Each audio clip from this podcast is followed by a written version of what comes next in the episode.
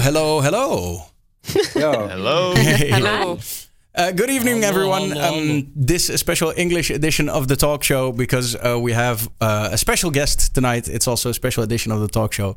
Um, and I wanted to um, uh, do a quick intro because, uh, you know, m- maybe not everyone is familiar with Dan and what he's been doing. So, our guest tonight has a bachelor in computer science and theater and a PhD in artificial intelligence.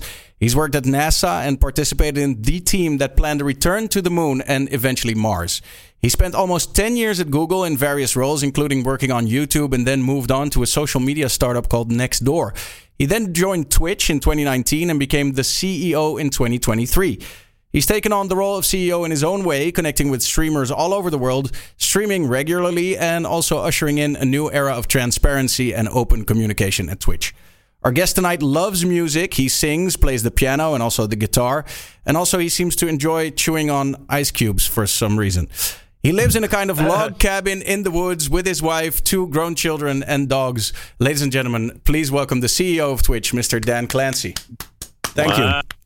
Daniel, thank you. Now that I have nothing to add, you've just covered everything. we might as well go home, right? you. I wanted to give you a, a good introduction for, for everyone who may not be familiar with what you've done before uh, Twitch. And uh, we've assembled a wonderful cast of, of streamers, so I, I'd like for them to introduce themselves uh, quickly and just tell you uh, who they are and, and what they've been streaming. This is really the um, yeah the, the the peak of Dutch streaming. They all stream in Dutch, and they are uh, some of the best creators out there. So uh, let's start with uh, Don Kaaklijn. Yeah, my name is Don Kaaklijn, which means jawline, and um, I'm formerly known as the Dutch CEO of Twitch. All right, Uh, and I, sh- and I stream mainly shooters, so uh, that's, that's Okay. Morrog. Uh, yes, I am uh, Morrog. Uh, been streaming for almost, um, I mean, uh, uh, 10 years now. Uh, just after Justin TV, so one of uh, the OGs on Twitch, and uh, very nice to uh, talk to you. I, I think we talked to each other at TwitchCon, but you talked to a lot of people there. But nice to uh, the, be here. the, the channel rings a bell. nice. Mm. Fems. it. Uh, hi, my name is Fems. Uh, I've been on Twitch for eight years, so it's quite a while. I started out doing World of Warcraft streams. I still play World of Warcraft, but my viewers think it's really boring. So now I do dancing and DJing and things like that to make it a little bit more special for myself Nice. and also for my viewers. Cool. Puck. Uh, yeah, my name is Puck. Uh, my Twitch name is a little bit complicated for you, I think, then, but it's it's pronounced as Puxque. Um, Puxque. Been str- yes. Pucks. Maybe you can call you Pucks. Or Yeah, just call me Pucks. then you can call me Pucks. Uh, no, I've been streaming for eight years as well, and I mostly play shooter games. Dana Den. So hi, my name is Denzel, and friends always call me Denna, so that's why my uh, my Twitch name is Denna Den. I mainly cover variety streaming, so it goes from shooters to race games to single player games, and most of the time I'm a completionist as well. So I'm uh, 100%ing everything I try to play. That's it. Right. Nessie. My name is Nessie, uh, or Nessiruu on Twitch. I'm a variety streamer. I've been streaming since 2015. Um, and I love to do productions. I play a lot of Just Dance, art, basically anything you can find on my channel. George. yes, hello there. Nice to meet you. My name is Sjors, uh, which roughly translates to George in English, which might which might be a bit easier for you to pronounce. I've been streaming for almost uh, six years now, and I do mostly gaming streams, but occasionally I like to do some bigger productions as well. And I do cooking streams together with my mother, and uh, I like to do uh, yeah all kinds of different things, but mostly gaming. And last but not least, Serpent. Oh, uh, my name is Rick uh, on Twitch as Serpent. I think I've been streaming the longest because I was already active on livestream.com. Uh, I used to stream a lot of gaming, but now I do what I would call transformative reacting content. uh, just having a laugh and uh, open discussion. Cool. Yeah, and I'm Daniel. Uh, I've been hosting this show for I think about five years now, and I've had all kinds of streamers on, and we weekly, uh, every week we talk about like um, current events, but also what's happening over at Twitch. Whenever you make a change, uh, we discuss uh, what it means for us. And um, yeah, welcome, uh, Dan. And you have different streamers every week, or is it generally a same, a similar crew? No, we we tend to tend to switch it up. Uh, so a lot of these streamers have been on multiple times because it's still a, a, a pretty small club of Dutch speaking streamers. Um, but mostly we try to give new people a chance as well, and uh, also not just invite over the bigger streamers, but also the give smaller streamers a chance. Great. Well, uh, thanks for having me. I'm looking forward to it, and, uh, and I should say hi to everyone in chat. I switched over to uh, to keep an eye on chat, and of course, you know about uh, um, many of the uh, many of the the conversation in chat I can't follow since I don't speak Dutch. But I get the hello, the hi, the hi, hello, so I understand that. You know, and it's going fast as well.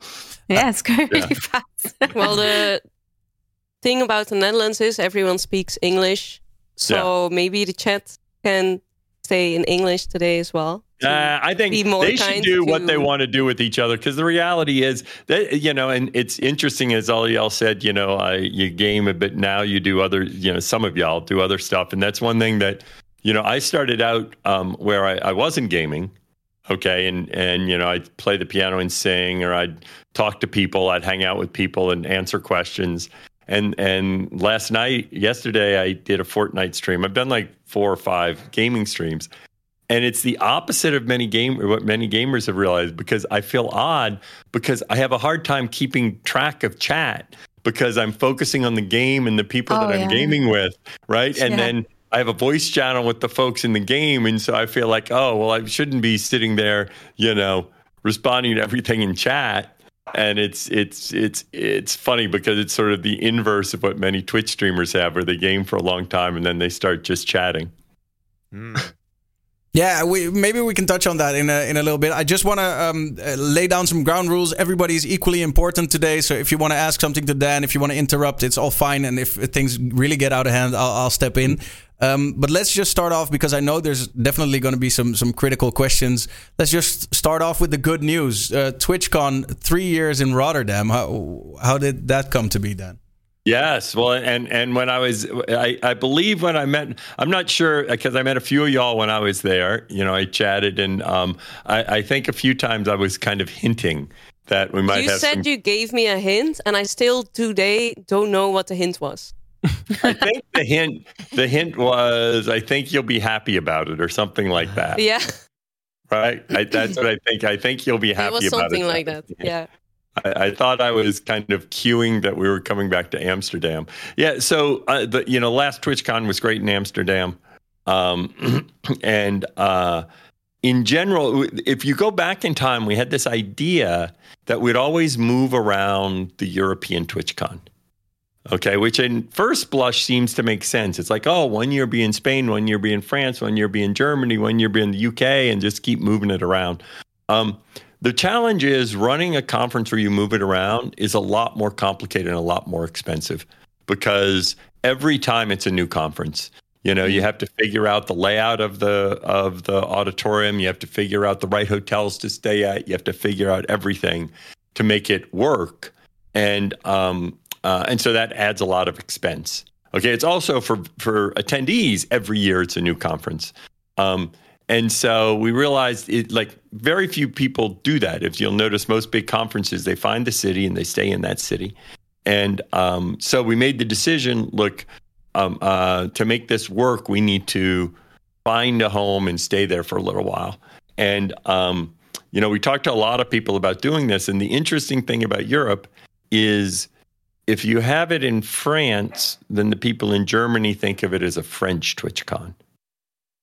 And and if it's in Spain, then the people thinking of a Spanish TwitchCon, right? Yeah. You also have the language problem as you have it in different countries because you know if we're having it in France, then you know French. Not that everyone speaks English. Whereas Amsterdam, um, we could we can have it as an English conference because in general everyone in Amsterdam, all the uh, you know everybody speaks uh, speaks English. Um, it's centrally located. And the thing we found out by talking to a lot of people is in general, then it's not felt like, you know, in other words, people in France will come, people in Germany will come, people in the UK will come. And so it allows us to do it as a kind of European TwitchCon as opposed to a German TwitchCon or a French TwitchCon. um, and so I'm excited. Um, Amsterdam was great. We picked Rotterdam because um, the city was very enthusiastic about us coming. And in fact, I will tell you when I when we were first we were choosing between Amsterdam and Rotterdam, and I initially was like, "Oh, we should go to Amsterdam. It's such a beautiful city." Like, I was.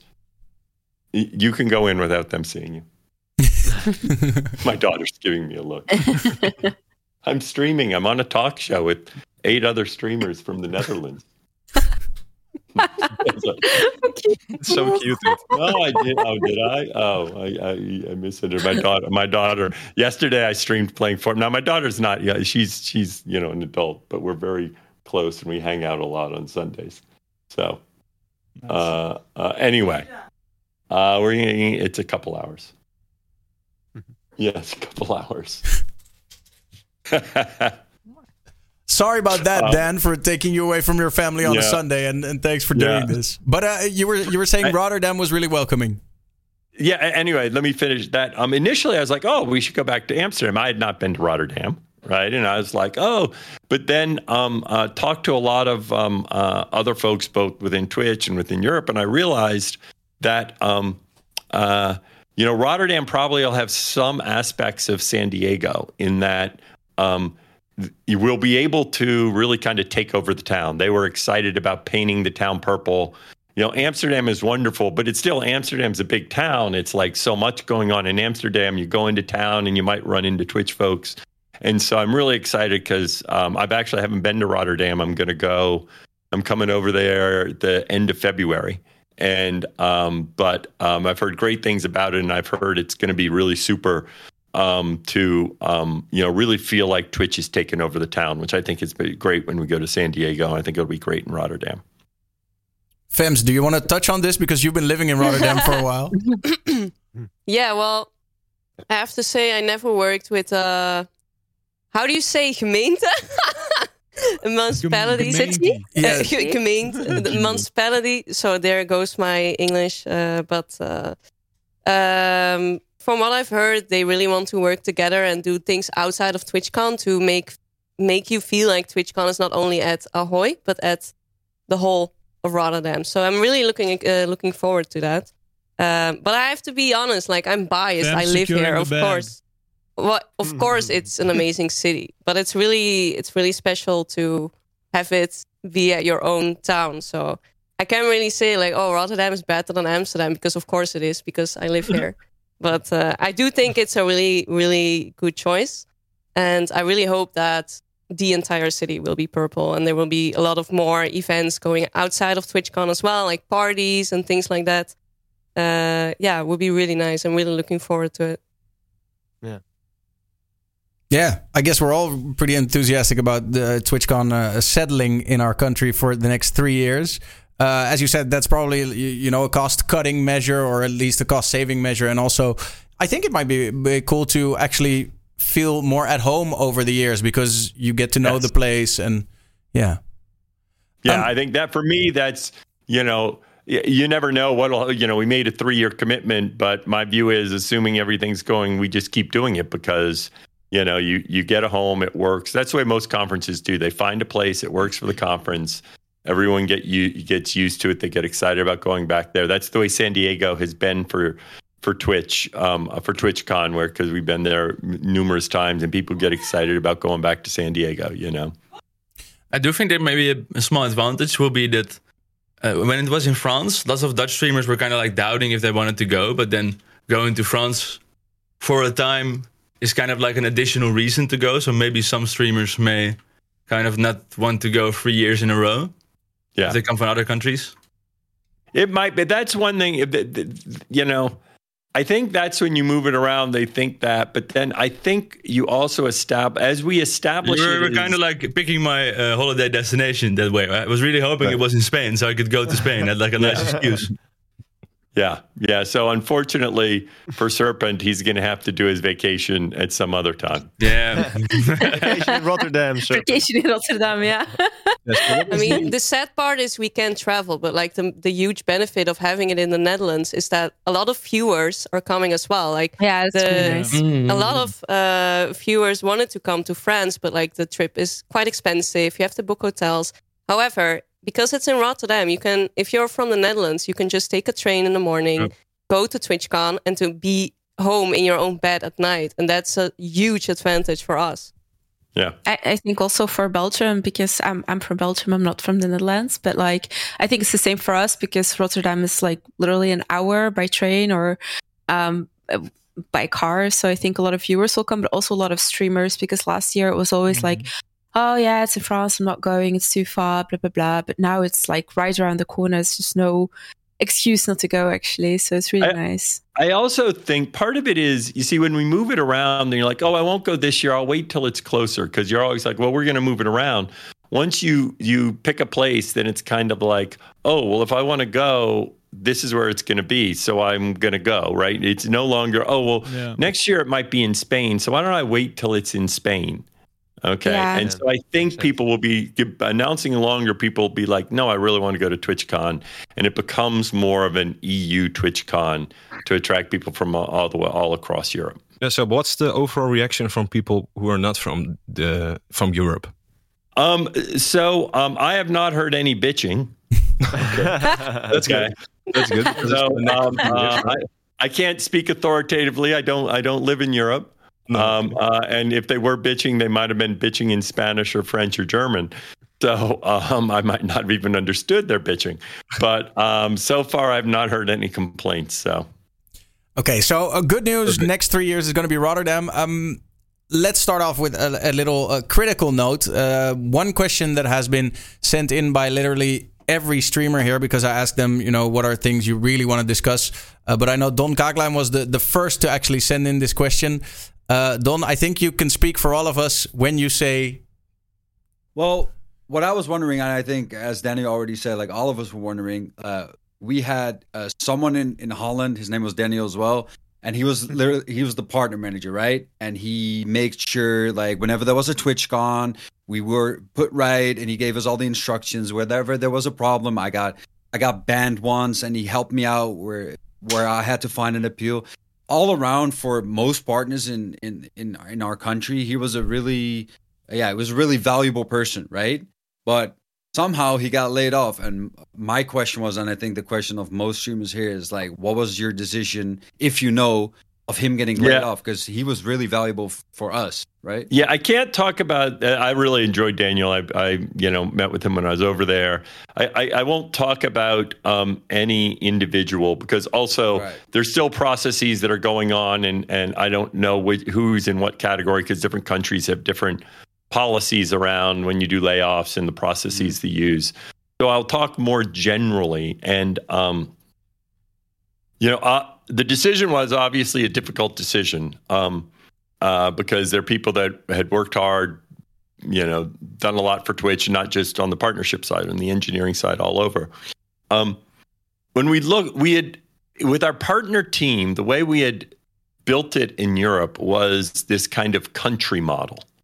And if we looked at the amount, the the um, size of our partnerships team for the number of creators they were supporting, um, we had a lot more in Europe than in, say, North America because of we were using a country model where oh we need to have support in this country this country this country.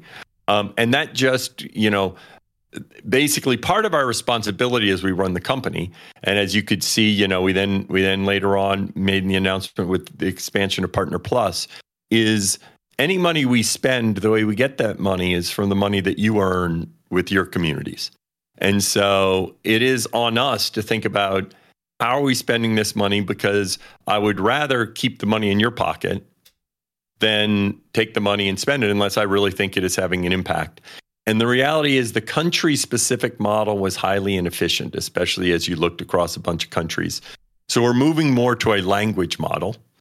Um, it doesn't mean you won't get the same support, right? You know, in other words, we're going to be supporting you in the same way. It's just as opposed to saying, oh, we need someone in the Netherlands, need someone in Belgium, need someone here, need someone there. We can say, we need someone that can support these streamers. And obviously, it's better if someone's in Belgium, hang out with you guys and all of that, right? But the problem was it doesn't like it it it, it didn't scale very well and it's not just in Europe as we look in um, Asia we kind of had the same problem and so um, uh, so in the spirit of we need to be um, cost effective and think about how we're spending money, and that includes in how we have staff that engages with our streamers. Um, we're moving more to our language model. So, so how do Can I- these layouts kind of work? I saw Nessie raise her hand first, so Nessie, go you, ahead. have to, you have to raise your hand. Okay. Well, not Yeah, I like, necessarily, oh. but no, I, I mean, I, I understand like uh, exactly the point that you're bringing forward, and I, I agree with it in part. But on the other hand, it also doesn't really make sense because you say we're moving to a language model, but for the Benelux, like it's just Dutch because we stream in Dutch and not in English. There are people from the Netherlands and from Belgium that stream in English as well, but because before it was the Benelux for all the streamers that streamed in Dutch. Right now it's like a bit uncertain. Like, okay, we stream in Dutch, but then what? What's like the difference in the Benelux and like the the language Dutch? You know what I mean? No, that no, no, no, because because people will stream. In fact, as we looked at this, people stream in lots of different languages. The question is, when you're talking to them, can the SPM communicate with them effectively? When you have an issue, whatever the issue is, Mhm. right? Can you communicate with your SPM? Okay, and so it's focus, and it happens that it obviously it's not 100%, but it's darn near 100% um, uh, of the streamers there do speak English. They may not stream in English, but then an SPM that speaks English can communicate with you, can talk about whatever program we're launching, can talk about whatever initiative we have, can understand your issues in terms of, hey, my payment didn't come through, this isn't happening, this isn't happening.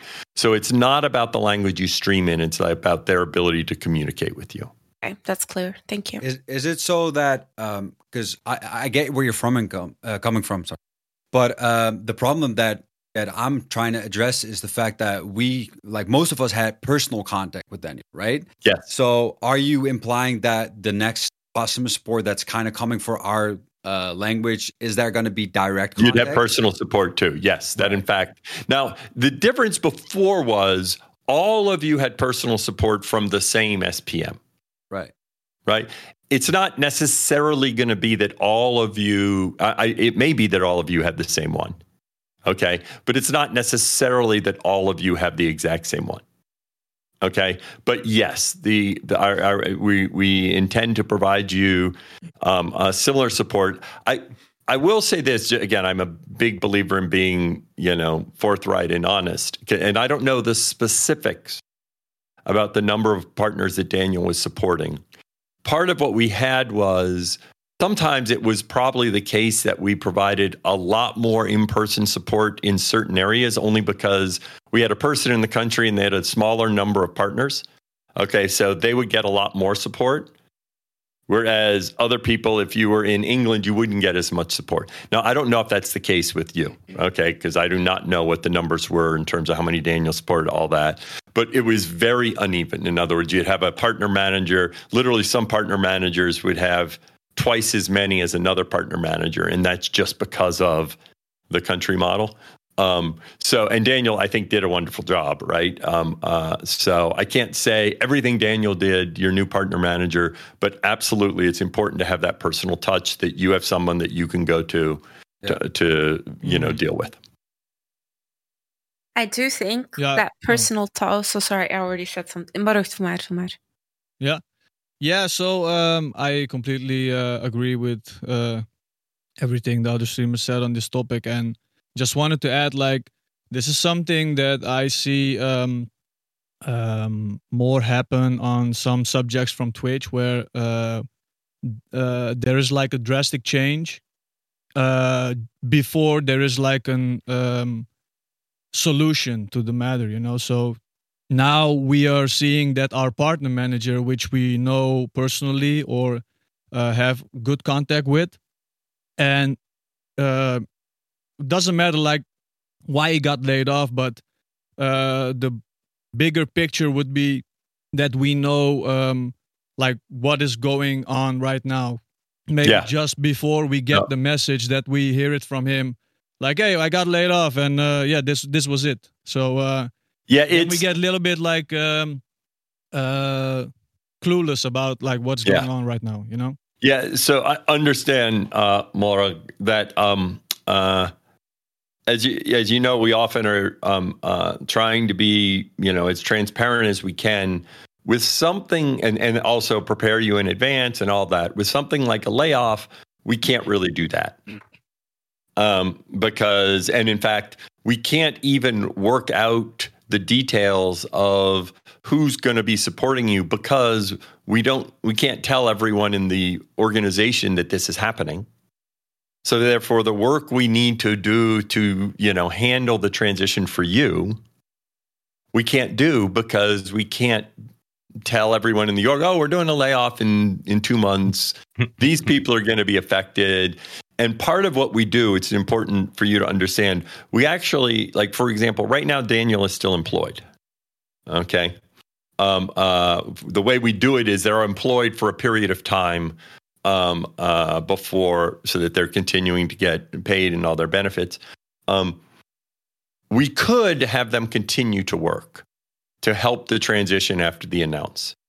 But we made the decision that those people that are impacted don't need to show up to work, don't need to do anything for us. They get that time period to start looking for a job, take off, spend time with their families, do whatever they want. Right now, that's different than some areas where they do layoffs, where this notification period, you keep working for you know 60 days and then you but for us they all stopped needing to show up at work um, and which I am sure all of y'all being friends with Daniel want him to not have to show up for work so that he can focus on his next opportunity. But that means for you, the transition is more abrupt because we couldn't, you know, we couldn't notify folks in advance and then have a smooth transition. All right. Taking I this to the sorry. Oh, sorry. I have like one more thing to add, which I think is important because it's also a bit of a difference between the Netherlands and Belgium, which I find very interesting in the management of partners because um, Belgium is a very complicated country because we're kind of split in three parts. We have Yes. like the Flemish part, we have the French part, and we have like the German part. Um, and in the Flemish part, there are basically really little partners. We have maybe like seven or 10 partners that are streaming in Dutch. And because Twitch in Belgium is like still growing, it's, it's growing slowly, but it's growing, it's getting there. Um, the numbers of partners are also not so high, you know? So I feel like requirements for partnership at this point is basically almost impossible for like Belgian streamers. Like if Belgian streamers reach like 75 to 80 viewers, that's like top tier. That's like as if you would get 1K Yeah. in the Netherlands or so, you know? So I think a lot of Belgian streamers, and it's just because I got this question a lot, are afraid that partnership in the next mm-hmm. year or two years is going to be impossible because of like globalized requirements of actually like unofficial requirements of like 100 viewers like for three months or whatever you know and i think that's why a lot of people in belgium right now are a bit concerned about the layoffs Yeah. So first of all, we're not going to change the partner criteria. Um, you highlight something that is just a challenge. That in fact, you know, Twitch is a um, Twitch is a language based platform. Often, okay, and um, uh, there are certain cases that when we set a threshold for, let's take partnership or for any of our programs, that in fact they can become very difficult because the potential audience is much smaller for this language than another language. And the reality is, it like having different thresholds by different language, and then it, it you know, we've talked about that, right? Like saying, oh, well, what about this and what about that? And um, unfortunately, it just gets too complicated, especially because the language you stream in can vary. We don't always know the language you stream in. As soon as you start doing it, then someone, and so um, I'm very aware of the challenge that we have as we set thresholds. Um, but we are not going to be, you know, changing what we have now to make it harder. But I understand it's already harder for a It's Flemish just- streamer. It's just because I had a feeling for like the people that got partnered recently, that requirement of 75 viewers was like, it was okay. Once you had it, once you hit it, it was fine. You would get the partnership. Whereas, for example, in the Netherlands, there are a lot of prominent streamers that are getting really high numbers. It's a bit different because then they say, you know, you need to get like a hundred, kinda, you need to wait three months and then maybe you can try again. And I think the fear is just if it's going to be someone that is not very familiar with like how the differences are between, Yeah. for example, Belgium and the Netherlands, that nuance will fall away. And I think that was kind of like, how are you going to deal with that? How is, is there going to be like some I do think we're already pretty privileged. I think in other countries you need like way more viewers to get Of course, partners. of It's like course, a very small difference, and now you're like very concerned No. about this. No, Very I'm not concerned about it. I'm just, I'm just saying what I Yeah. hear from other streamers because I'm the only Belgian person here, so that's why I'm trying Mhm. to ask this question. But if Dan I'm going to go ahead and talk about this whole issue of the partner threshold because that's something that a lot of streamers have questions about, and um, y'all probably did when you're at the threshold. Um, and it's a little so. The thing that's a little confusing is um, we have a minimum criteria to apply. Okay, and that's what is seen in your path to partner where they have the minimum criteria to apply. However, we've always said and always, you know, had a different threshold for being accepted. And the threshold for being accepted actually has been higher than the minimum threshold. And that was, of course, confusing for people. And we never told you what that threshold was. And so people would apply, apply, apply, apply, and keep getting rejected. And they're like, why am I getting rejected? I have 75. And they didn't, and, and we didn't tell you discreetly what it is. So that's one thing we changed recently where we came out and we say, look, this is our standard threshold. Now, it is the case that some people might exceed it and then still get it. And the standard threshold is you hit 75 ACCV for eight streams in each of the last 30 days. Okay, it actually used to be higher, to be clear. We lowered it recently from what was the internal threshold. The internal threshold used to be, um, I think it was 12 streams over the last, for each of the last 30 days. And when we did this, I said, that's too many, lowered it to eight. So you have to have eight days or you have at least 75. Now we still have a ways to go because the problem for the streamer is that number doesn't include raids or front page promotion okay, or embeds. And the problem is streamers can't tease apart how many of their ACCV comes from these. For so example, a streamer that I um, uh, know well who just applied who got rejected, and I was like, why did they get rejected? I because I, I looked at their dashboard, and the reality is a huge portion of their ACCV comes from embeds. Okay, and so they actually weren't getting 75 ACCV coming to Twitch, but they like that's difficult for them to see in their dashboard so that then they can know. So we still have some work to do to make it so a streamer can see. So then for me that's the biggest thing. It's just you should be able to tell. And right now the frustrating thing is I keep getting rejected. I don't know why. Um, and it's we still have to solve that where you can see where your viewership is coming from and that doesn't exist yet to the extent it should. But if you're not changing the threshold of 75, right? Why not supporting the affiliates and streamers who are challenging with this yeah, big number for us? Why don't you promote them more? Like a featured affiliate list, which counts on the front page. Why does it not count on Oh. the front page? Oh, so let's talk. You talk about two different things. One thing, and this is important. Um, uh, One of the questions I often get from partners is, "Well, what are you doing to make it special for partners?" Yeah, Right. because I'm not a partner yet. I'm an affiliate. So Great. You're not So- changing the threshold, and that's not needed. But maybe uh, let the viewers on the front page count, or let the embeds Yeah. count, because you're attracting viewers, right? So you're creating a community. Why does Those, the those, people are not watching. I don't think it makes sense to include Yeah, hold on, we're talking And we could about- include few bots as well. Might as well. Yeah, We're just talking about. Hold on, hold on. But he's talking about two different things. Okay, tell me. Part of what he, I think you're talking about, and again, it's hard for me, Deniden, um, is um, what can we do to promote affiliates? Yeah. Okay. Before I get to that, let me make one thing that's clear. I'm actually very clear that partnership is a status. It is not, and that's one reason why we changed the Partner Plus program to just the Plus program. That in fact, um, there are no direct monetary benefits of being a partner. Okay. And that actually is intentional. The idea is it's an important status in our program, but in terms of how much money you make, it doesn't matter. Quick- you get some more emote slots. Quick Go ahead. question in between, just to touch on this, because you say there's no monetary difference, but it used to be that partners got the transaction fees uh, on Twitch's side. For partners, the transaction fees were on Twitch's Oh, side. that is fair. I do think the transaction fees there may be different. That's a good point, Daniel. okay. I do think I'm not sure. I don't know exactly how we do the transaction fees for partners right now. Okay. Sorry, but uh, the, not the- sure. I just wanted to, to make Thank you, sure. So there's still a little monetary difference, is a but you little. try to minimize it. We tried to minimize this so that it that it's a good point um, uh, for for its larger affiliates. There's still some things in there. And there's Um, free food at the partner lounge at TwitchCon. Uh, yeah, yes, and and there is the benefit of the partner. lounge. But for example, they don't get promotional benefits. Like we do not do things just to promote partners. Okay, um, where we wouldn't create those programs that also would be a, a, you know available for larger affiliates. Um, the real issue you have here, Denadin, is um, the reality is we don't drive much viewership on Twitch. Okay?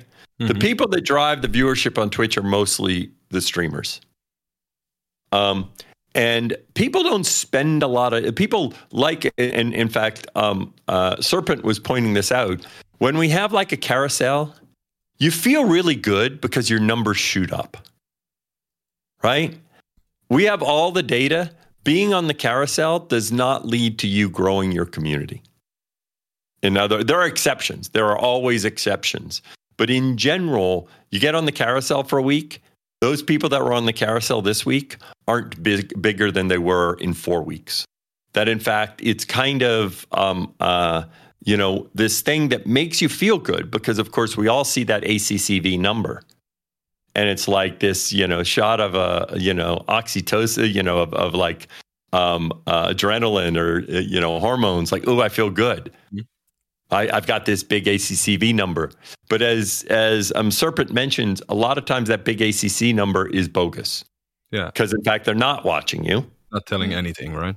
yeah, it's not. It, in fact, it is deceiving because Yeah. you feel good, and then, in fact, in some ways, it's actually um, uh, discouraging because you feel good because, like, shit, I'm up at 150 AC, and, and you're there for a week, and you feel good about yourself, and then it goes away, and now you're like, oh shit, I only have 80 today. right? And you're like, oh, I guess I didn't do very well today. No, you did great today.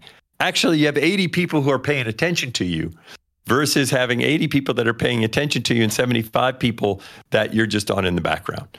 Um, so we looked at that and we we do want to help streamers grow. Okay. Um, this is one reason why actually we're investing in Stream Together. Um, uh, personally, I think one of the best, you know, strategies for affiliates to grow is collaboration with other affiliates and with partners.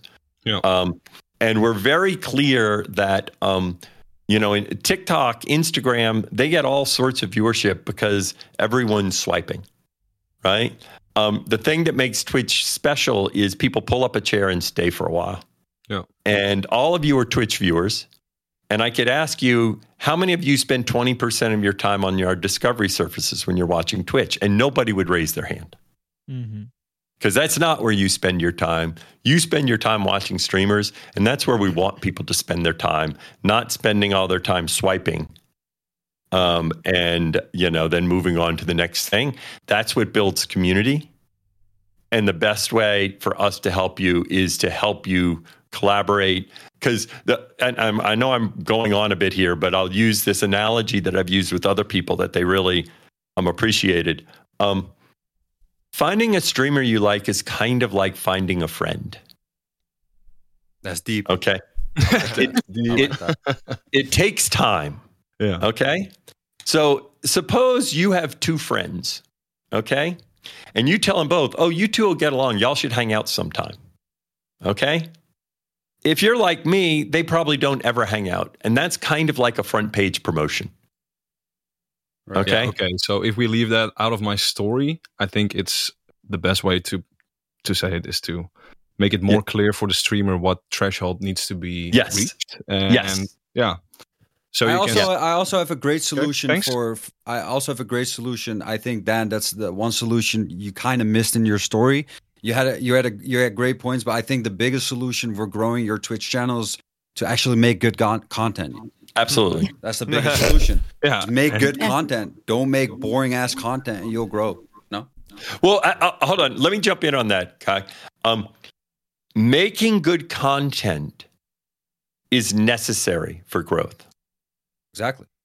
It is not always sufficient for growth. Right? There are people, a good example, one of our top streamers right now, Jynxzi, who I don't he he does um uh uh what you call it, the Tom Clancy Rainbow. thing. Rainbow Six. Rainbow Siege, yeah. Um, um, he went for a year or two with two to three ACCV. The same guy. Mm-hmm. Okay, he was playing Fortnite. He was entertaining. He was goofy. He was the same guy.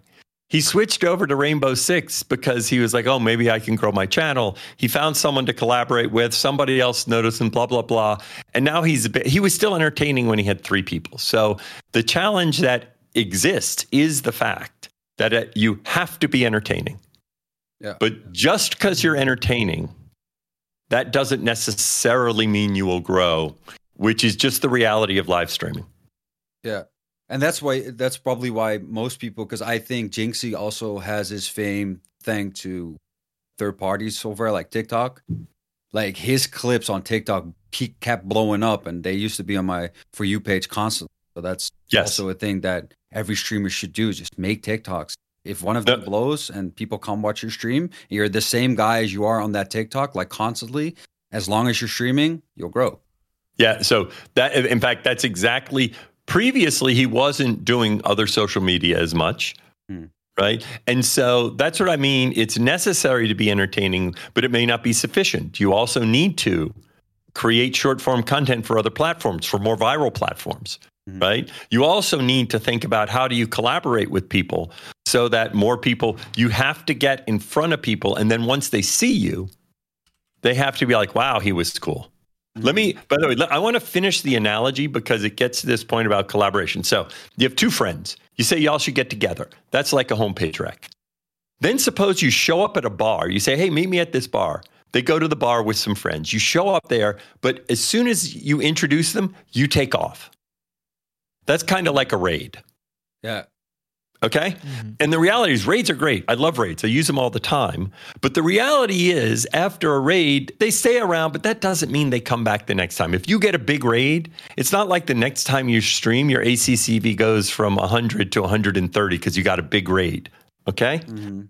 Now, suppose you show up every week at that same bar, okay, and you hang out for a while with them. Eventually, they start talking to each other because they show up every week at the bar.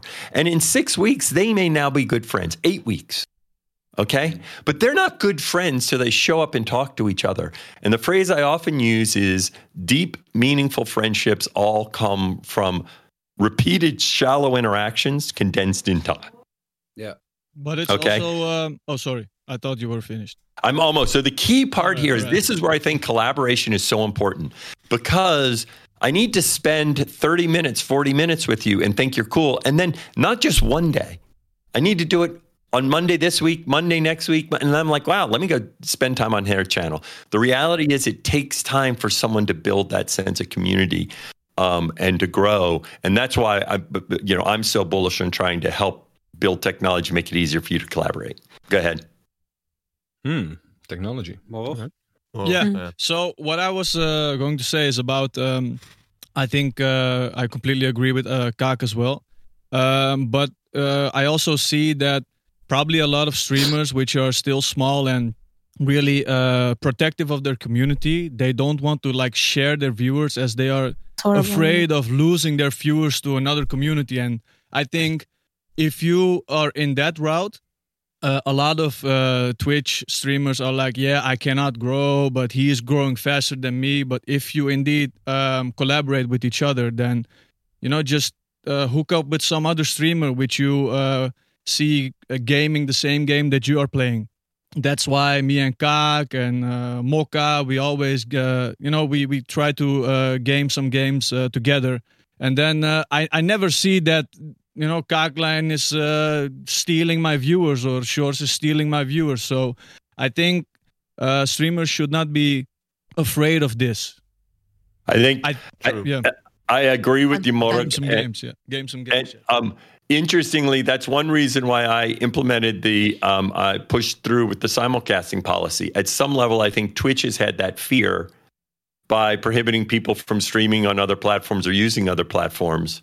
And the reality is, if you want to grow the pie, if you think you have something good and you think you're entertaining, if you try to hold on this thing that you have, you're not going to grow. What you need to do is have faith that you are entertaining and that you do have a good product and that you will keep growing. Yeah.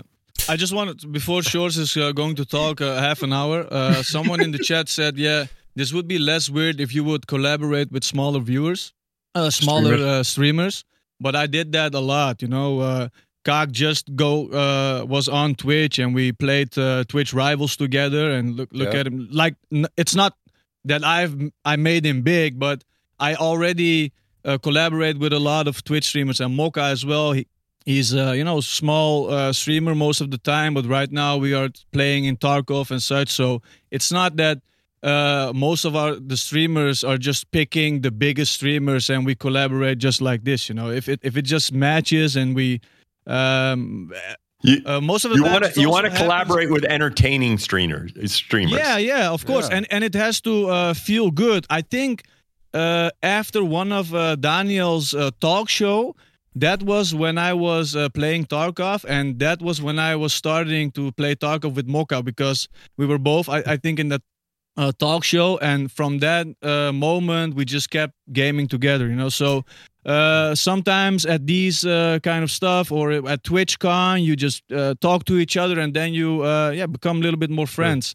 And uh, yeah. I see now where you're from income. I, I think uh, I think we can all agree that collaboration is a great way to grow on Twitch. I've seen Dan say this a lot uh, a lot of times. So let's let's move on, George. Yes. So uh, I wanted to touch on uh, also growing Twitch, but not by streaming together. Um, I, th- I think there's still a lot to gain here in the Netherlands of people getting to know Twitch. I feel I'm I'm 27 myself. A lot of people my age have never heard of the website. I mean, they know YouTube and of course they know TikTok, but they haven't heard of Twitch. And I've been fortunate enough to work with the Dutch Broadcasting Television Network, the the biggest we have here in the Netherlands. And I've done some streams together with them on Twitch. They've been interested in Twitch the last uh, couple years, and um, it was very helpful that uh, Daniel, the Twitch partner manager, was there with the conversation to get the Dutch Broadcasting Network onto Twitch. And from what I've heard recently from the people that work there, they um, are starting to, you know, make Twitch an official next to like YouTube and TikTok, and of course the television itself. Uh, they're they're they're looking at Twitch to make it a, a real official platform within the Dutch television network. But now that Daniel's not around anymore, I was wondering are there any plans for that? Like, how could we get more people in the Netherlands to go watch Twitch, and especially with such important uh, strategy points as the Yeah. Dutch uh, So, so you highlight first of all, we'll we'll still be supporting, um, uh, you know, the the relationships, um, uh, the, um, you know, so again, it's still something something to be done there, and and it's it's interesting, uh, you know, I don't know if the Dutch, you know, television thing, um, uh, drives more Twitch viewership or not. We do think a lot about how do we drive increased Twitch viewership. That's absolutely. Um, the thing that I have found in general, because we've done like a lot of Twitch marketing, and we, you know, we obviously have spent a lot of effort to try and think about how can we grow Twitch viewership. That's kind of our job. Um, and the thing that has become clear as we have done it is that there's one thing you can do, which is promote Twitch, the platform. And when someone shows up at Twitch, but they don't have an affinity for a creator yet, this whole live streaming thing, they just kind of like, oh, that's kind of cool. Mm-hmm. And then they wander off because actually finding that streamer you like, spending time with them, all of that, it's really about the streamer connection. And so the interesting thing in general, I have found that the way Twitch grows is because someone builds an affinity with one of our streamers through some other distribution network. Yeah. And it may be the Twitch, it may be the Dutch national broadcasting, but it won't be because of Twitch. It's because one of you like is featured and a lot of people say, "Wow, they're really interesting. I want to see them more." Okay. And then they come and watch you and they Right. say, This is really cool. And then once they watch you, they might get exposed to Morrog or some other streamer. And then now they have one, two, three, four, five streamers that they start watching. And now they have an affinity for Twitch, the platform. But it almost always starts as an affinity for a creator and their community because you have to sit there and really get what live streaming is to understand the magic of live streaming. That's one reason why actually making it easier for you to share content on third party social media platforms, right? Because they find you entertaining and then you say, come check me out on Twitch, So, right? do you think that Twitch will always be dependent on other platforms to, um, yeah, to grow its audience, or or do you think at some point Twitch could become this place where you discover stuff and maybe watch vods and maybe watch shorts, etc. Or do you think Twitch should focus on live streaming and let the other platforms do the Yeah. promoting? I mean, I, I think yes. And so the short answer is I think this idea that Twitch becomes the place you come for all your short form and long form entertainment, people don't want that. And the reality is, to make that work, we would have to change the experience where it wouldn't work as well for live streaming. Would, Okay. uh, would would if uh so there was a was a period where you guys experimented and got some big Dutch YouTubers on this platform. You gave them a contract and uh like Enzo Knol, Milan Knol, Qucee, a couple of names. Uh, do you personally know uh, any data on that? If that actually impacted the platform in a positive way, or I do not know about those particular streamers. right? I do know that in general, when we're really new in a market, okay, the way we have often grown Twitch is by getting notable YouTube creators to start live streaming. That, and we call them YouTube creators. The best way to describe it is notable short form creators to start live streaming. Okay. Um, that once we grow to a certain size, that tactic tends not to grow the platform. In other words, it's good to go from, you know, 0 to 10 or 0 to 15, but it's not good to go from 15 to, you know, 60 miles an hour, or 70 miles an hour. Um, uh, and so we've we've often experimented with continuing that, and it just once you get to a certain scale, that doesn't grow your viewership because I think sometimes you acquire these people and the people that come over already were you know watching them. So I uh, personally, um, I am more bullish on taking our creators that know how to live stream. The other thing that happens is sometimes those people are not good at live streaming, right? Because there are YouTube creators that are not good at live streaming because it's not the same thing. And so, in fact, you pay someone and they're not that entertaining as a live streamer. And so then nobody sees them. They don't pay attention to chat. They don't. That certainly has happened in music where, like, you know, we think, go get this musician and get them to live stream. And they just treat it like they would other platforms and they don't get how you're supposed to engage on Twitch. So, like, I'm not all that bullish about us going and recruiting some big musician to live stream. If they want to, great. But I'm much more bullish about taking people that have demonstrated an affinity for live streaming and doing what we can to do to help grow their audience. But So wouldn't how- it be interesting? th- yeah, wouldn't it be interesting? Uh, because I've I've seen uh, the uh, creators that uh, Don Kaaklijn's talking about that went from YouTube to uh, Twitch in the Netherlands, and I think the biggest problem, and it's coming back to your analogy with the bar and, and the raids, is wouldn't it be a good idea if if those contracts would still exist in the future to have them like I, th- I don't know if that's possible or, or not. I mean, actually, you have to try and get them to raid other streamers. I mean, the problem is people come for the YouTuber, he's live for like a couple hours, and then he goes offline, and the people that were in his chat they disappear from Twitch because. But George, sorry to interrupt around. you, but because Yeah. I think this is kind of a, a, a moot point because then Hmm. you've kind of decided to stop offering these contracts altogether, right? Yeah, well, uh, it's not. Let me describe where I would be open to offering a contract. Okay. The big thing we've stopped doing is offering contracts just to, you know, keep doing what you're doing because I think that's inconsistent. Now, if we can spend money to grow the platform, where we spend money here and we get more money back because we can see that, oh, if we spend this money, then the platform is bigger Okay, well, that's different, right? Because then you're spending money for growth and you're getting payback over time. Okay. Um, now, I am dubious that this will be a an effective technique. By the way, to be clear, I think in general, you know, you're highlighting the the issue about getting them to raid folks. I don't think that's enough. Um, you know, I, my instinct is we've tried. We haven't tried everything here. Okay. But we've tried a lot of stuff. And in general, once you get to a certain level, it doesn't pay back. It doesn't drive the growth given the cost. Okay. Um, another way to think of this is suppose I'm paying this to do this. The only way I'm getting that money is from the money I take, uh, you know, our, my share of whatever money that comes in from what you're creating.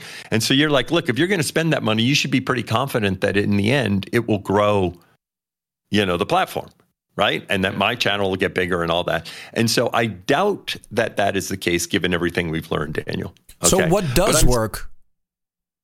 What Yeah. does what does work? Where can you spend money to make us all grow and and or or is that still some something you're figuring out? I'm not out? sure if they're spending money. well. Well, I think, but let me tell you the way I think. There are a few things in terms of how do we grow the platform. I think one thing and one thing we we plan to do is I think I think there's a lot of cool shit that happens on Twitch, and I think only a small percentage of it makes its way to other third party platforms. Okay, because it takes a fair amount of work in terms of getting the clip, editing the clip, getting it, blah blah blah. Okay, um, uh, I'll use an example. Like on any given stream that I have, there are probably four or five clips that I think I should be sharing as like you know as a brief moment of something cool that happened, but I don't because it takes a fair amount of effort.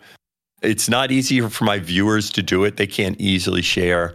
I think in general we want to make it much easier so that the all the cool shit that's happening on Twitch becomes much more prominent on other third party platforms because that's where the eyeballs are. Short form content is better for discovery. Yeah. So right now you have like the ability for creators themselves on Twitch to have clips uh, exported to TikTok, for example. Is that something that feature that you'd want to experiment with, giving the option to viewers as well? To That's that's one thing. We would still allow you to control if you allow your viewers or your Yeah, editor yeah. who ultimately you get to choose. But yes.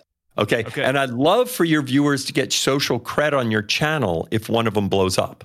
Right? That basically suppose someone shares something, it like goes viral on TikTok, you're going to oh. want to call out that viewer and say, you know, you know, D Dog, D Dog just like, you know, created this video and it got freaking this many views and the whole community is going to celebrate D Dog Yeah. because he put some extra effort in to you know to make that video and then it's going to drive so it's it, you know uh, and actually on TikTok I've talked to Twitch streamers that use TikTok and they say they often because the way TikTok algorithms work is you want it on a bunch of accounts so they often create like 12 and 15 different accounts because hmm. stuff just coming from one account isn't the best way for things to get popular on TikTok. So I think short form content is great for discovery. We need to help find, make it easier for you guys to create, your audience to create, more people to see the cool stuff you're doing. So then people are like, oh, let me go check it out. I view simulcasting as going to help us grow. Okay? Because, Isn't- sorry. go ahead. No, jump in. isn't one of the pitfalls i mean I, I 100% agree with everything you say but isn't one of the biggest pitfalls of that strategy is like if one of either of those third party companies is going to heavily invest in their live streaming platform that it will kind of undermine the growth of twitch let's just say tiktok Yeah. right now is you know pushing vertical live streams because they've seen a lot of people also streaming games and stuff like that i mean I just wonder, like, how do you deal with with that then as a company? I just find Yeah. it interesting. Nessie, yeah. So first of all, whenever you do things like this, the world doesn't exist without, you know, upside doesn't exist without risk, Mhm. right? And in fact, the biggest way to not grow is to be afraid of this. It's kind of very much like the thing that um, uh, I think it was Morrog brought up about, oh, I don't want to share my viewers, right? Um, and I Wait, firmly now, believe. now it sounds like I don't want to share my viewers. Yeah. No, yeah, no, but I firmly believe, okay, um, that the experience on TikTok for, and I use the phrase community centric live streaming Yeah. because I think it is a mistake to think that all live streaming is the same. Yeah. Okay. I agree. I agree. There is something about that community experience of showing up regularly, recognizing people in chat, right? The creator recognizing you. The reality is on TikTok, I challenge anyone to watch a live stream for more than 10 minutes on TikTok because you're mm-hmm. programmed to swipe. Like you'll be watching and saying, "Oh, that's interesting," but come on, I should swipe. I should swipe, right? And I'll use a comparison, and I, I have some data to support this. You know, of course, YouTube has spent heavily to grow their live streaming, yeah. right? Now, YouTube isn't the, quite the same as TikTok with the swipe, but YouTube is a lot like it because their related videos are kind of like a swipe. Okay. And everyone, when they use YouTube, just for VODs, if you use YouTube for VODs, what do you do? You're watching a VOD in your little board. You look to the bottom right, and there's a bunch of candy down there. And then you see something cool and you click on it. And you leave the VOD halfway through. As soon as that VOD gets a little boring, you watch another VOD and another VOD and another VOD.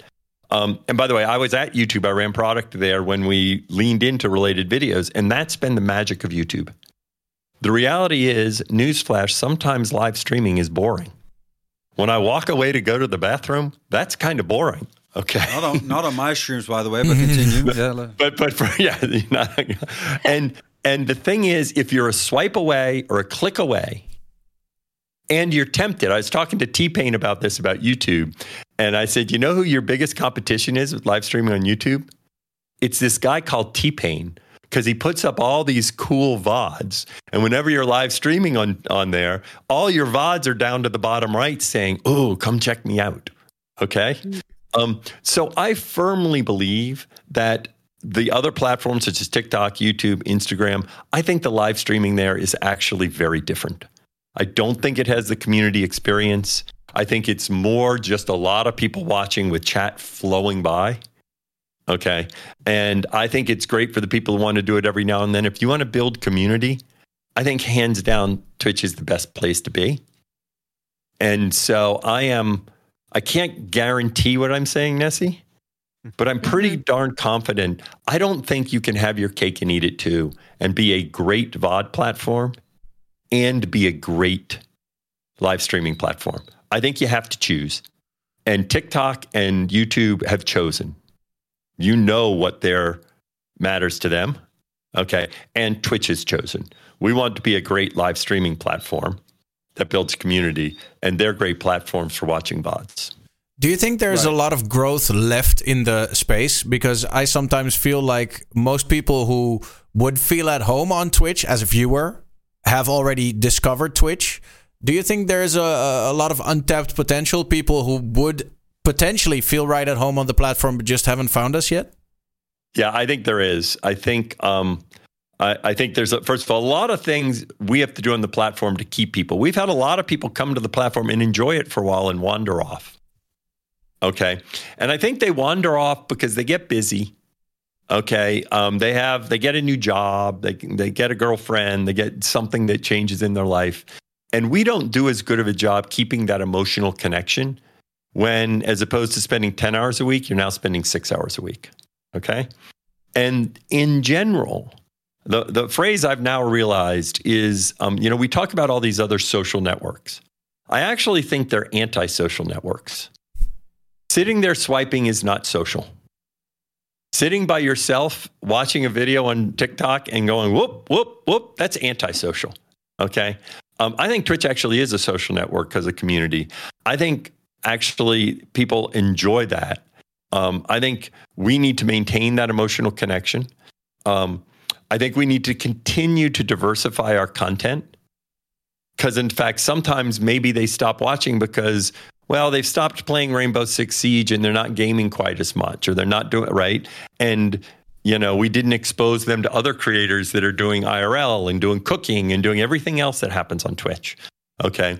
So I think we're still at the beginning. That yearning for community I think is stronger than ever in terms of a person's need for community. Um, that yearning for community is not just something that gamers experience. Okay. Um, so I think we still have to improve the platform a lot.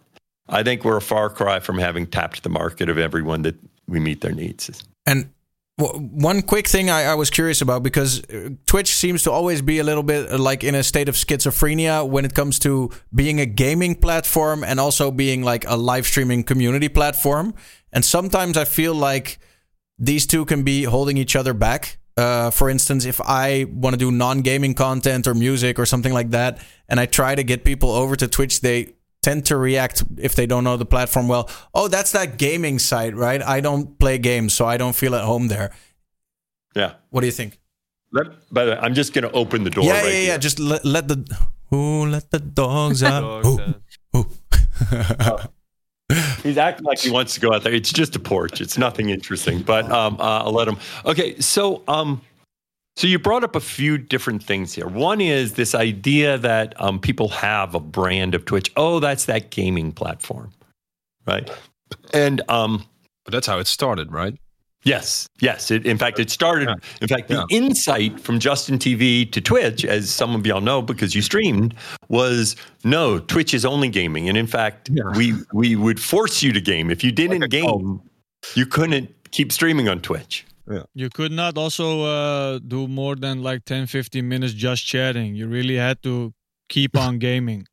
Yes. It was it, it was a thing like eight or nine years ago that people told me like if you don't game, then you probably could get banned. Yes. yes. So so and by the way, I think that was important in helping Twitch grow. Okay. However, the reality now is, and as some of y'all, um, I forget which one said, well, I used to be a gaming streamer, but now I do. Oh, I think it was Fems that said that, or it was Serpent. Oh, it was Serpent that said that, right? And now I do all this stuff. Um, and the reality is, the diversity of content on Twitch is staggering. Yeah. Okay. And um, uh, gaming is still a huge part of Twitch and will always be a huge part of Twitch. Okay. Um, gaming works particularly well for live streaming. But, you know, non gaming content is probably go- grown, you know, as a percentage of our hours watch. You know, it probably used to be 10% or less, and now it's 30% or more, right? Probably like 30, 35%. And so it's grown a lot. There's a massive diversity of people. I think this takes time. Okay. It's going to continue to grow, and it'll be a lot of gaming streamers that sometimes make other content, right? There are a lot of gaming streamers that, oh, I'm going to cook. Oh, I'm just going to engage with my audience, and just engaging with my audience is fun. Oh, I'm going to have a political talk show, right? The number of political talk shows now in Europe is far greater than it was, you know, three years ago. Okay. It just doesn't happen overnight. That's just the reality of Twitch. Things don't happen overnight. And yes, some people still have that, oh, that's that gaming platform. Sometimes And then they come and come and watch. Uh, Tony Robbins actually started streaming on Twitch. Do y'all know him, the motivational speaker? That like Oh, you know, so he- voice. yeah, the guy with the deep voice. He Yeah. did his first stream and he's streaming on Twitch. Like I think it just takes time and more people will realize and um uh yeah. So I I think it's going to just keep growing. It'll just be not this rocket ship. I've a, I've a, I've a random question which doesn't, uh, which is far from all the other subjects we have talked about. Uh, but my question was: uh, Is the cap of gift subs ever going to be raised above five thousand? And also, um, will there ever be uh, the cap lifted on how many subs you can throw at one time? So, like a thousand. Uh, or- good question, Cox. So let's see. I- Just, I- just, to, last, just right? to, Dan, just for your information, Kaak is literally the most subbed streamer in the Netherlands ever. He holds the record. I think he's gone over eleven thousand subs, if I'm not mistaken. Uh, so just, just half, for your info, that's why he's asking this. So, so Kaak, now um, um, this may shock you, but Right. on my channel, I'm not close to any of these limits. Um, so I am not as familiar, to be honest, with some of the limits we have. Like, because there, there are a lot of things at Twitch I don't know the details. So do this, Kaak. Ping me on Discord, okay. right?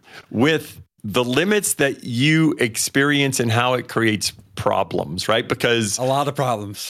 yeah. So so sometimes these limits were put in for as a number.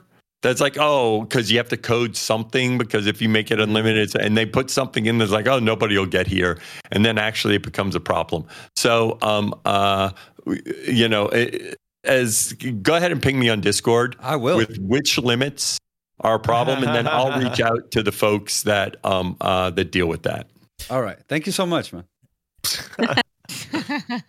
Anyone else want to jump in because I still have have uh, have some some interesting questions as well, but I I, I do want to give space to everyone. Uh, Well, I mean, um, regarding growth on Twitch, I mean, an- another big obstacle is, of course, the the ads, which I'm sure Daniel Oh, yeah. Wanted to. there, a lot of as well. questions came in for uh, about the Yeah. ads. Yeah, yeah, yeah. Well, Yeah, so yeah, I'm wondering like, uh, what's your plan for the future of Twitch regarding ads? Because they're still very intrusive. They they you know they pause your live stream for like two minutes, and And also, I mean, Sjors, just uh, sorry to interrupt, but a thing that that's really specific to our region is they don't give give us a substantial amount of money. They don't because the ads are being sold way less in the region. Um, so so Right. we, we feel like we're not making enough money on these ads to warrant the um, the discomfort they bring to us and our viewers. So first of all, as you let me let me describe one thing that you may not be aware of in terms of the discomfort for your viewers. So suppose you do a three minute ad break. Okay. Mhm. Now, it may be, you know how you said the ads aren't being sold. Let's assume for a second, I don't know what the fill rate is in the Netherlands, but we have something called the fill rate. Okay. I'm going to assume for a second that the fill rate in the Netherlands is 20%. What that means is when there is an ad opportunity, only 20% of the time do we have an ad to show. What that means is very few or any of your viewers are actually experiencing a three minute ad break. Because in fact, when we don't have an ad to show them, they're back watching you. Okay. And so these things about how much money you make from an ad versus the discomfort that your viewers are seeing, you as a creator don't know this actually. And, and, and it, it, it, I know it's one thing I've thought about because you feel like you're imposing upon all your viewers. Okay. When in actuality, most of your viewers are back hmm. within a minute or a minute and a half. Okay. It does occur to me that that may be a stat that we show to a streamer so that you understand how many of your viewers are experiencing an ad break and at that point in time and how many aren't. Right. Um, so in jet now, now ads in, in the Netherlands, um, uh, it, there are challenges in certain markets in growing that market to get enough ad inventory. Okay. Um, in general, we do believe, uh, not believe, you know, most social media platforms, ads are an important part of how you grow revenue. It's certainly the case in, in, you know, many of our larger established markets that for larger streamers, the majority of their revenue comes from ads. Okay. In fact, one thing for you to know is as you grow, the efficiency of your channel in terms of your subs and gift subs, larger stream in terms of how many people are watching them, larger streams are much less efficient in terms of getting viewers to give them subs and gift subs. If you think of the number of minutes watched somebody is watching you, when you get bigger, a much smaller portion of your community is actually subbing and gift subbing. Okay, when you're smaller, you can actually proportional to the hours watched you get. It's a bigger thing, and that's true across Twitch. Okay, because as you grow, ads become a more effective means of a creator making money. Just like sponsorships is a important part of how you make money, and sponsorships is a form of an ad. I, I get it's this, but but, Yeah, but but- being like being one of the top streamers in the Netherlands is not like the same as being an Asmongold. So even the top streamers in the Netherlands don't seem to be making thousands of dollars or euros uh, from Yeah. ads. Well, there are two parts to it, Daniel. First of all, there's one issue, which is just the size of the audience. Asmongold's audience is bigger than your audience, so they're going to make more, right? Yeah. The other one is the point you raised about what I'll call uh, the the fill rate. That in fact, it's absolutely the case that in the Netherlands, I'm sure our fill rate is lower than the U.S. This takes time to build up. If you went back three years in the U.S., our fill rate was much lower. Okay. US creators are making a lot more from ads now than they were three years ago or four years ago because we're much better at selling ads now. Unfortunately, this is one of those things that takes time. That in fact, in a given market, it takes time to build those people. Just you know how you said um, uh, people don't know Twitch. Okay, the people that are spending money on ads don't know Twitch, right?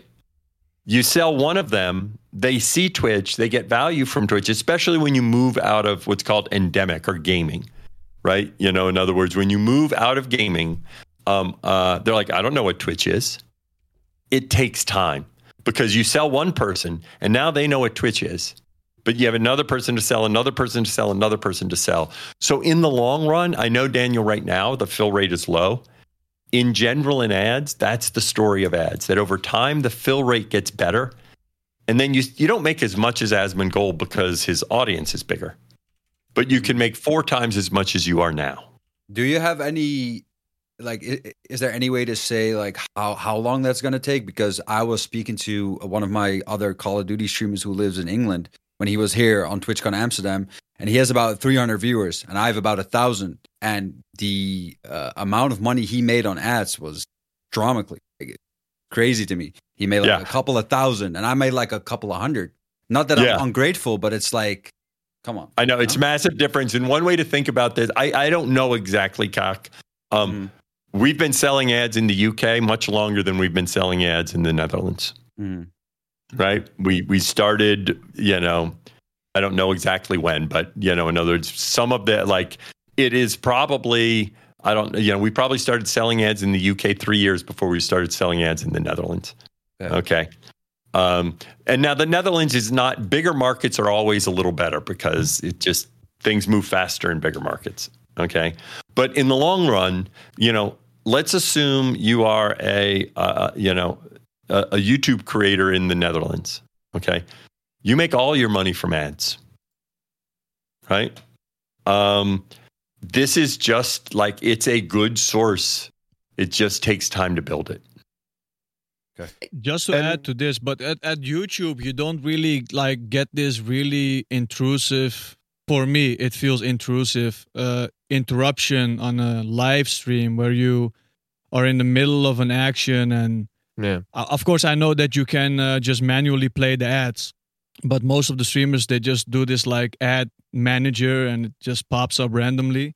Um, so of course on youtube i think there uh, people tend to have uh, less uh, problems with it but on twitch yeah it doesn't really invite me to play a lot of ads uh, uh, Well, like, yeah. will it be will it be less intrusive in the in the future Yeah, so let's talk about how. I mean, and, and we've done some of these intrusive. things. maybe maybe your point of view is different but No, no, no. I like so we've done some of these things already, and and you know, again, you may not be aware of it yet because of the nature. So, for example, we've made it now so that your, I think your moderators can um, pause an ad and delay it because we have that feature for you, and that feature's been there for a while. But when you're streaming, you just can't like you know you're you're not paying attention and if something cool is happening um, so that's i think there's still a lot of work we can do to make it easier for you to get the ads in a portion of your stream that is less intrusive right? That if you're at a, an intense part of a game you're at the intense point of a conversation um, uh, you know you want to pause it and then you're still going to be entertaining during the ads. Because the one thing that is different for us in YouTube, given our sides, too, is this point that subscribers don't get ads. So, this idea that, oh, it's an ad break and I get up and walk away, that actually isn't the way it works. Okay. Um, uh, and, and in fact, when we don't have fill, um, people come back. So, it is something that we need to help you understand when to make sure the ad doesn't land at like a particularly inopportune time.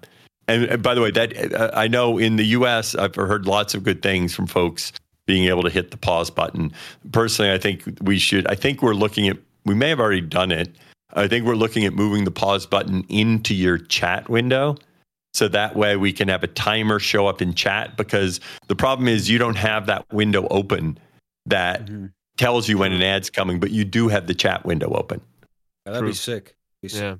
Yeah. Mhm. Uh, regarding uh, making money on Twitch, there's also this uh, thing, and it's not in the Netherlands and it's not in a bunch of other Europe uh, countries, but um, it's the bounty program, I think. Um, and for for the people that don't know what the bounty program is, that's I think mostly games that can offer like uh, a, a, a, sh- an- a like a deal or that you can Sponsorship.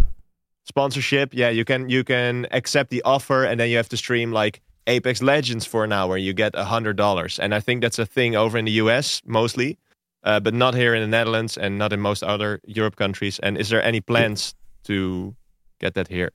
Yeah. So um, uh, the bounty the bounty board never really it, it it it never really worked like we had hoped in the U.S. It's a like the it's a marketplace, and in general, streamers feel like, look, the amount they're offering is small. It just the way we built it and all that, it doesn't deliver the scale that we had hoped that it would deliver.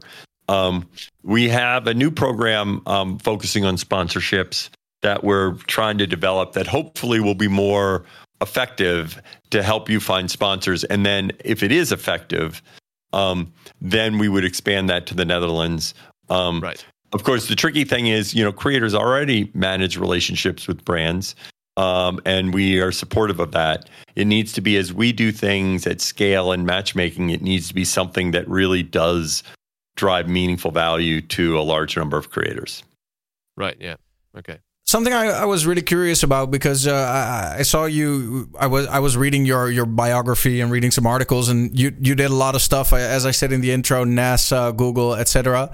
Um, when the opportunity came to become uh, a Twitch CEO, you probably already knew that it was going to be a hard time. Uh, the the best days of COVID were just over.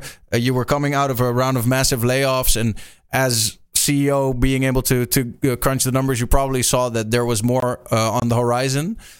Um, in all honesty, knowing it was going to be a a shit job for the foreseeable future, why did you decide to take it?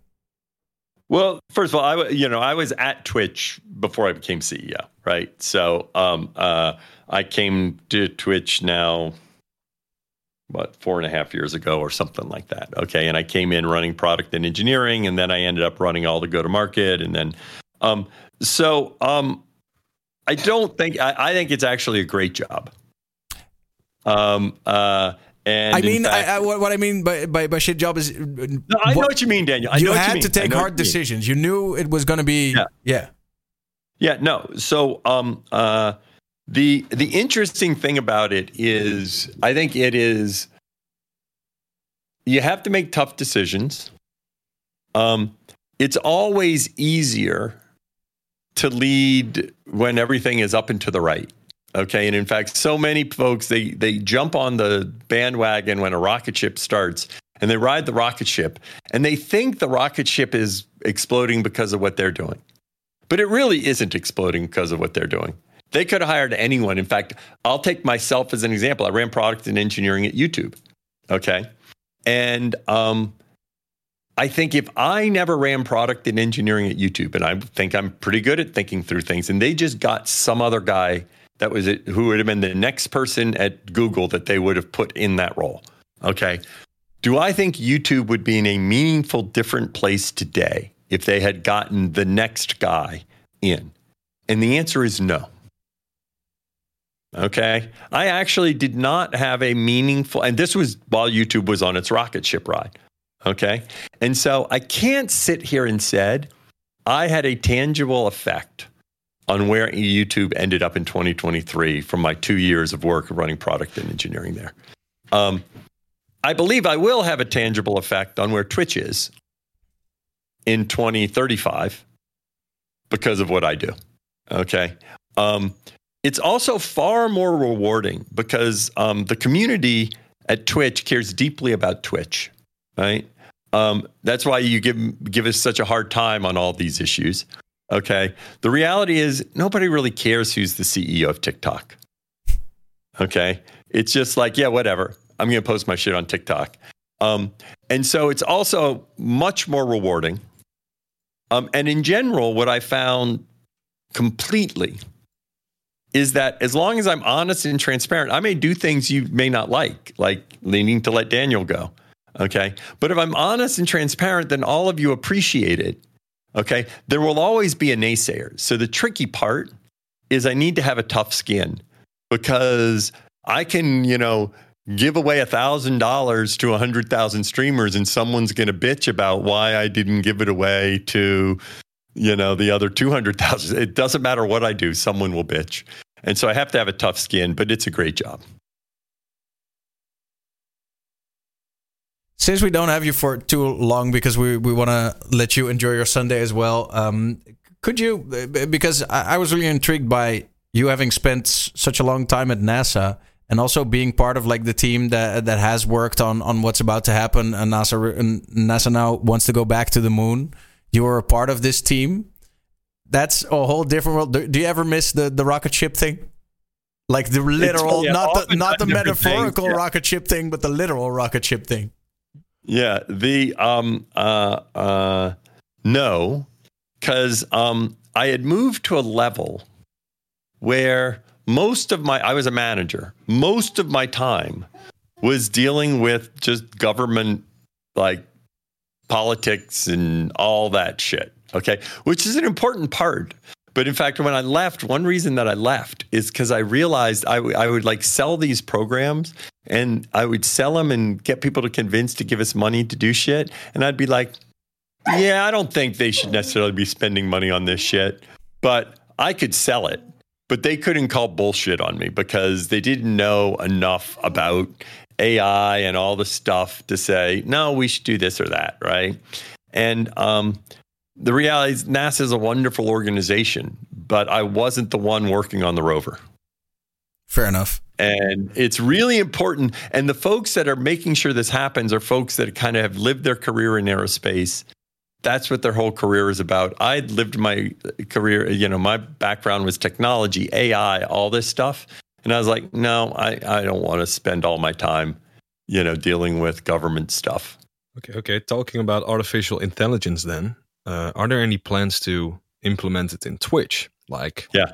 from the viewer side of things, to put artificial intelligence on the front page to better promote streamers who you actually like, all kinds of Yeah. stuff, Something with uh, with advertisements and AI in Twitch. Not was that not some, something recent? Yeah, we do. By the way, that's all right. We we've been using AI like our recommendations. When you go to recommend, we're using AI for that. AI is used to try and target advertising. That's a big part of advertising is using AI. Um, we use AI in AutoMod. We use AI to detect fraud, um, uh, which is a big part in our you know subscriptions business because people are constantly trying to you know launder money or do other stuff. Um, uh, so we've been using AI in Twitch for some time now. Okay. The thing that is transformative about AI of lately, and this is one of the things that I think is AI is this big blob. and in fact, if they had just named things differently, things would be broken apart into different pieces because now there's so many things that are AI. The things that is transformative now is generative AI okay, which is a type of AI. It's not all of AI. Okay, and that's what leads to Chat GPT and all that stuff. And so uh, I will morph this into the question of how does generative AI impact Twitch? Okay. Okay. And this is something I constantly think about. My general feel, and whether or not we have a role with generative AI. Um, my general feeling, and I'm not sure about this, is generative AI, I think, is going to be very interesting for Twitch. It'll often be third parties that enable creators to amplify their creativity. So let's take something like VTubing. Okay. Right now, it can cost you like thousands upon thousands of dollars to get up a rig for VTubing. Okay. There's this one startup, I think their name is Hyper. Okay. That, um, you know, they're bringing it down so that you can VTube now for like fractions of the cost. Right. Um, hold on. Let me see. Uh, Let me just see. Uh, hold on. I, I, I have to text something. Hold on. Hold on. Um, I can do it needed. The family's calling because they may, not right now, but in the future, they may need me to take something off the grill. So, oh, me when to do it. Yeah, if you All have to, if, if you have to go, uh, we, no, I don't have to go. This is the beauty. Um, uh, it's uh, my daughter went to town. He just wants to make sure I'll be here to do it at some point in the future and wants to know when. So um, uh, I'm telling him yes, I'll do it. He called to do it, but I can't answer, so I'm texting.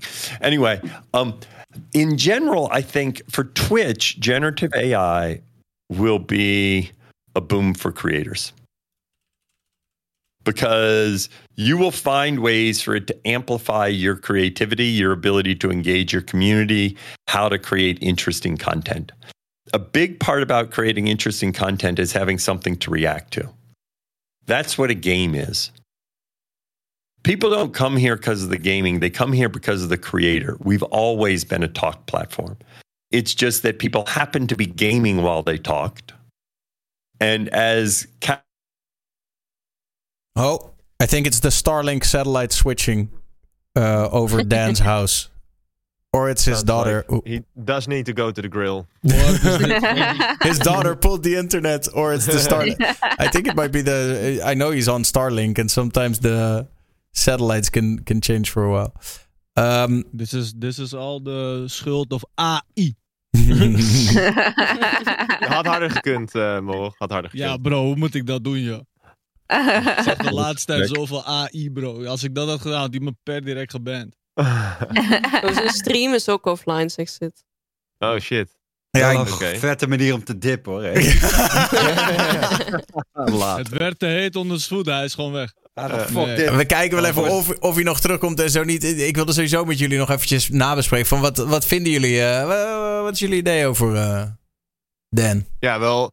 Ik heb gewoon geen hol te melden hier, maar... eh, Ja, ik voel me, ja, ik voel me een beetje lullig, maar heel eerlijk, als ik, lie- als ik niks nuttigs te zeggen heb, hou ik liever gewoon mijn bek. En er waren hele interessante vragen gesteld, dus ja, dan. Ja, ik merkte ook, Chat was vrij ongeduldig, maar het is natuurlijk een man die Chat was echt toxic as fuck, jongens. Ja, Gedraag jullie eens een keer. Ja, joh, hallo.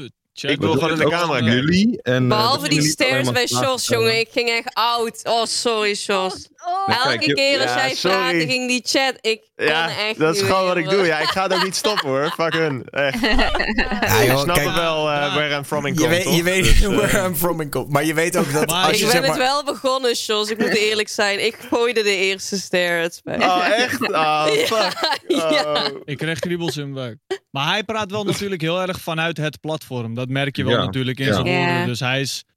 eh, En dat is helemaal oké, bro. Maar tegelijkertijd is dat natuurlijk... eh, wij kijken vanuit streamer perspectief. En daar is hij ook voor. Maar je hoort ook in zijn woorden van... ehm, als ik...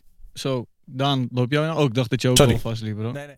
Nee, nee. Maar ehm, eh, over het feit van, ja, we doen dingen en als we dan geld investeren, moet er wel dat weer uitgetrokken worden en noem het maar op. Dus op zich is dat wel logisch natuurlijk, maar tegelijkertijd ook met die ads en zo. Kijk, het is, de de ervaring leert wel dat het hier toch iets anders is waarschijnlijk. Voor de mensen. Dat, voor- dat mensen maar één ad te zien krijgen of zo. Weet je? Dat, Volgens mij is dat niet echt het geval, snap je? Maar ja, ik weet ook niet of zij dat allemaal. Die man weet natuurlijk niet van elk land hoeveel ads iedereen te zien precies. krijgt. Dus hij komt natuurlijk een beetje met een algemeen verhaal. En wat ook duidelijk naar maar voren voor kwam, de hij rest was dat wel, wel op zich nice.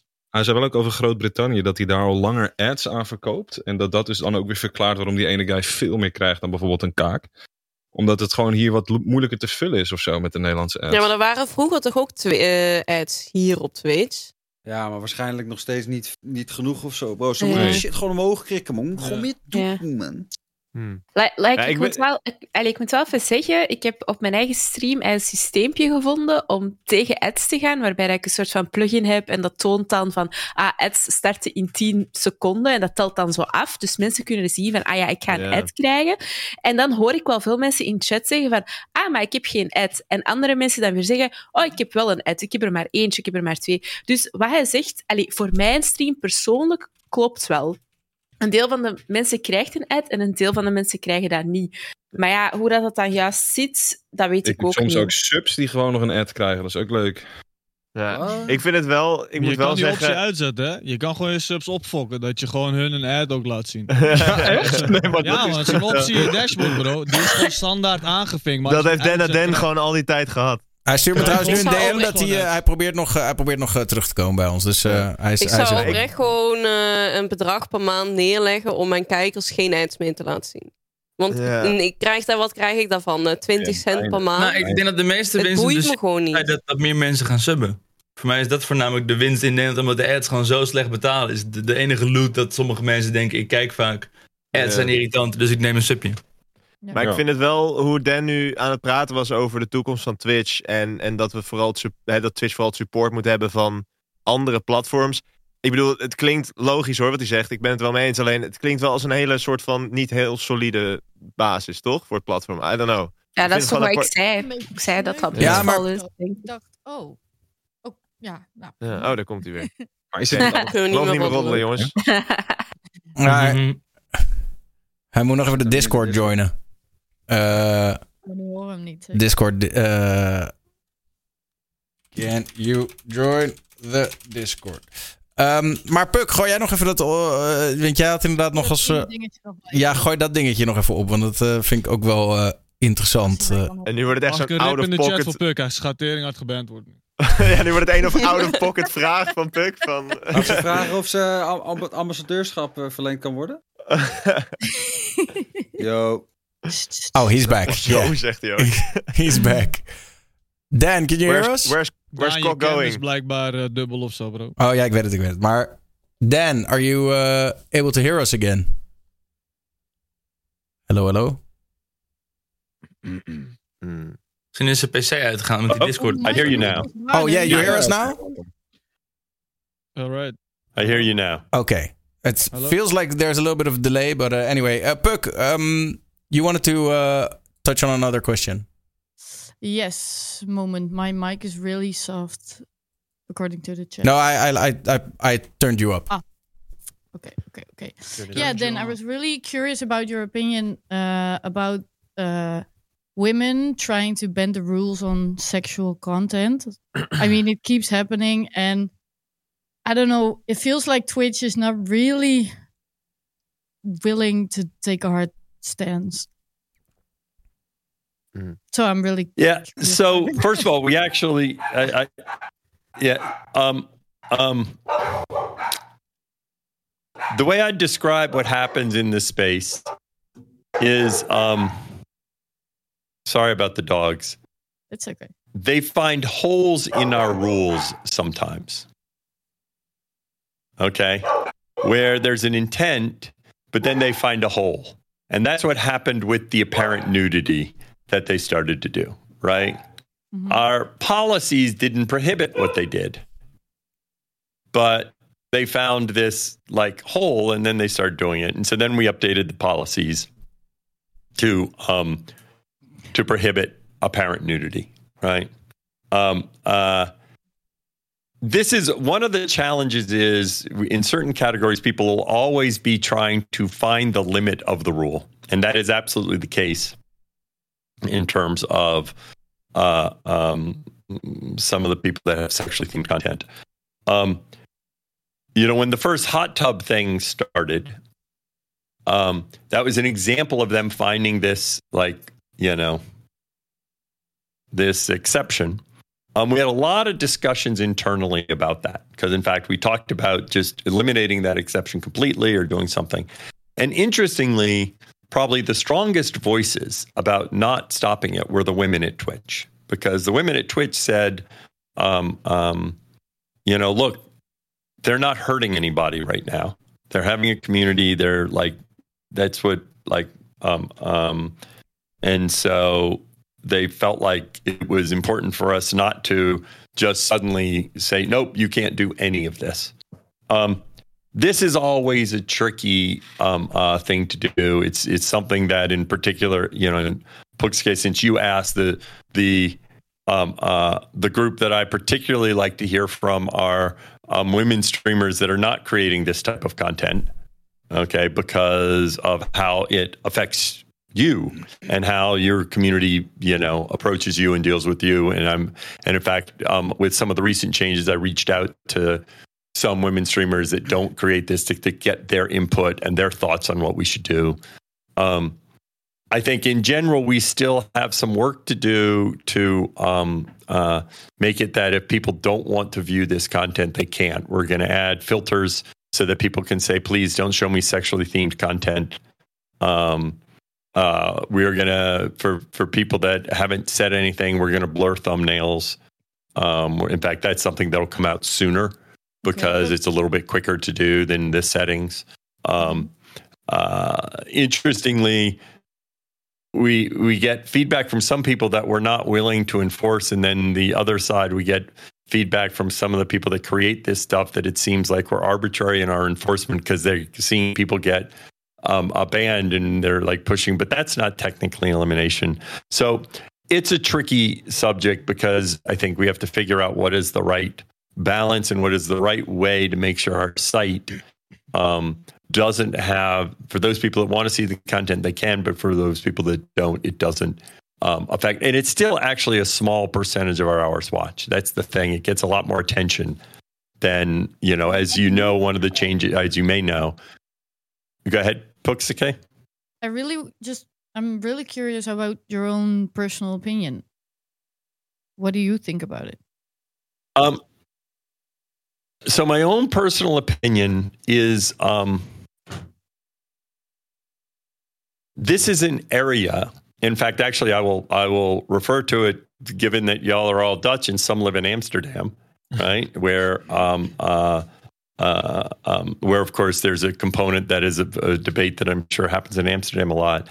Um, it is certainly the case that in the past, there um, uh, when you when you talk about um, uh, uh, more sexual content, that it was an industry where women were often abused and taken advantage of um, uh, at whatever level it might occur, right?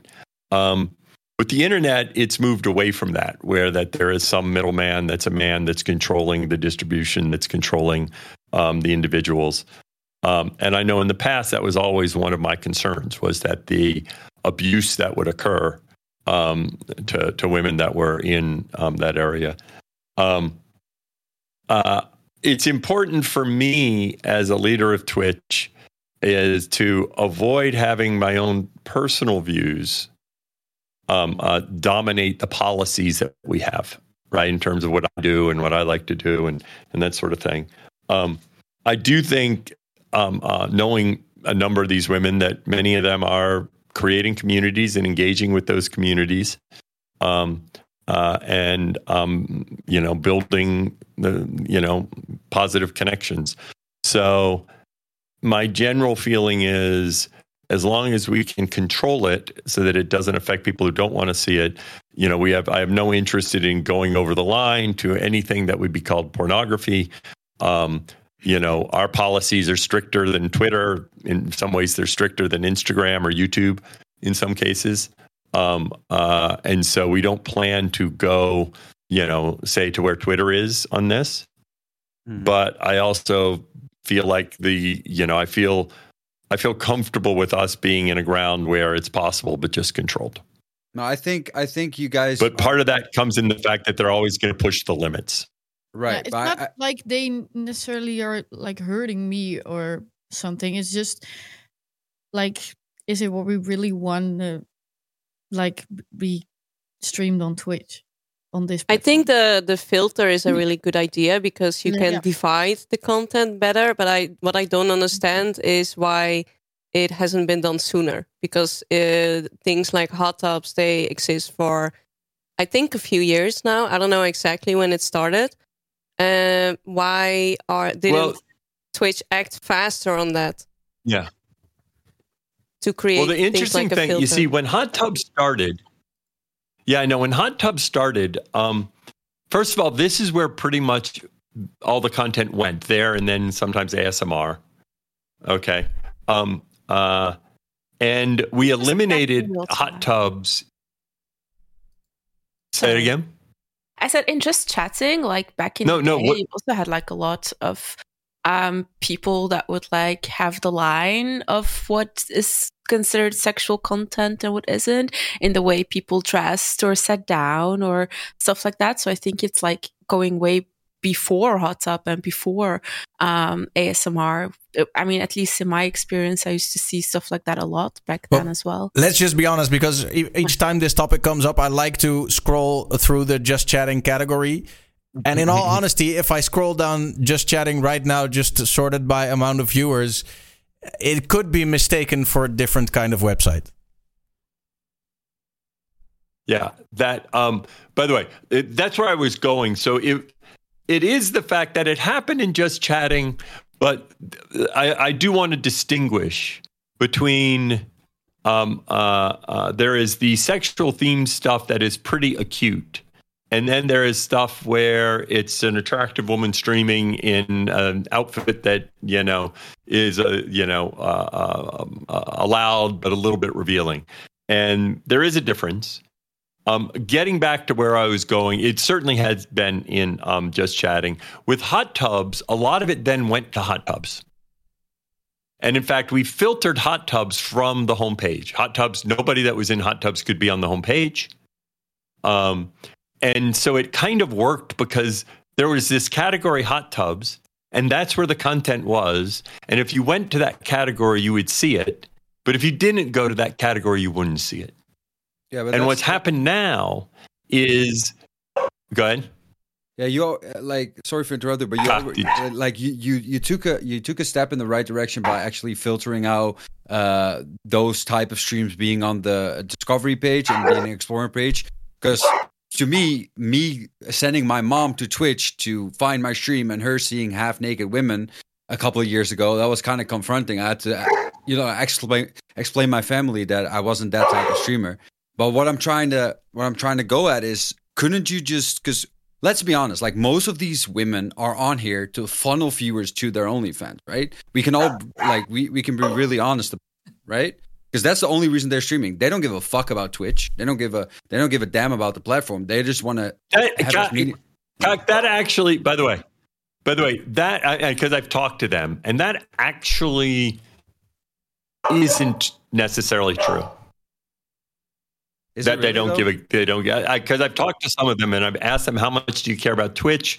Interestingly, if you want to talk about the platform that's the best platform for funding people to OnlyFans, Instagram blows us away. It's a far better and a far more prominent platform for routing viewers to OnlyFans. Hmm. Um, so I will say because I've asked them that exact question. I've asked them how much money do they make from Twitch versus OnlyFans and how they think about it. And they certainly care about driving it, but and that's not a universal statement. Of course, different ones do different things. Um, uh, but I can tell you. They, they, they, you know, they care about the engagement from Twitch. It's not just to route them. Sorry about the dogs. Hold on, I'm going to hit mute and then scream at them. Yeah, okay. Actually, I'm not Ma- no, we mute. want we want to hear on, you scream on. at them. Just scream at them.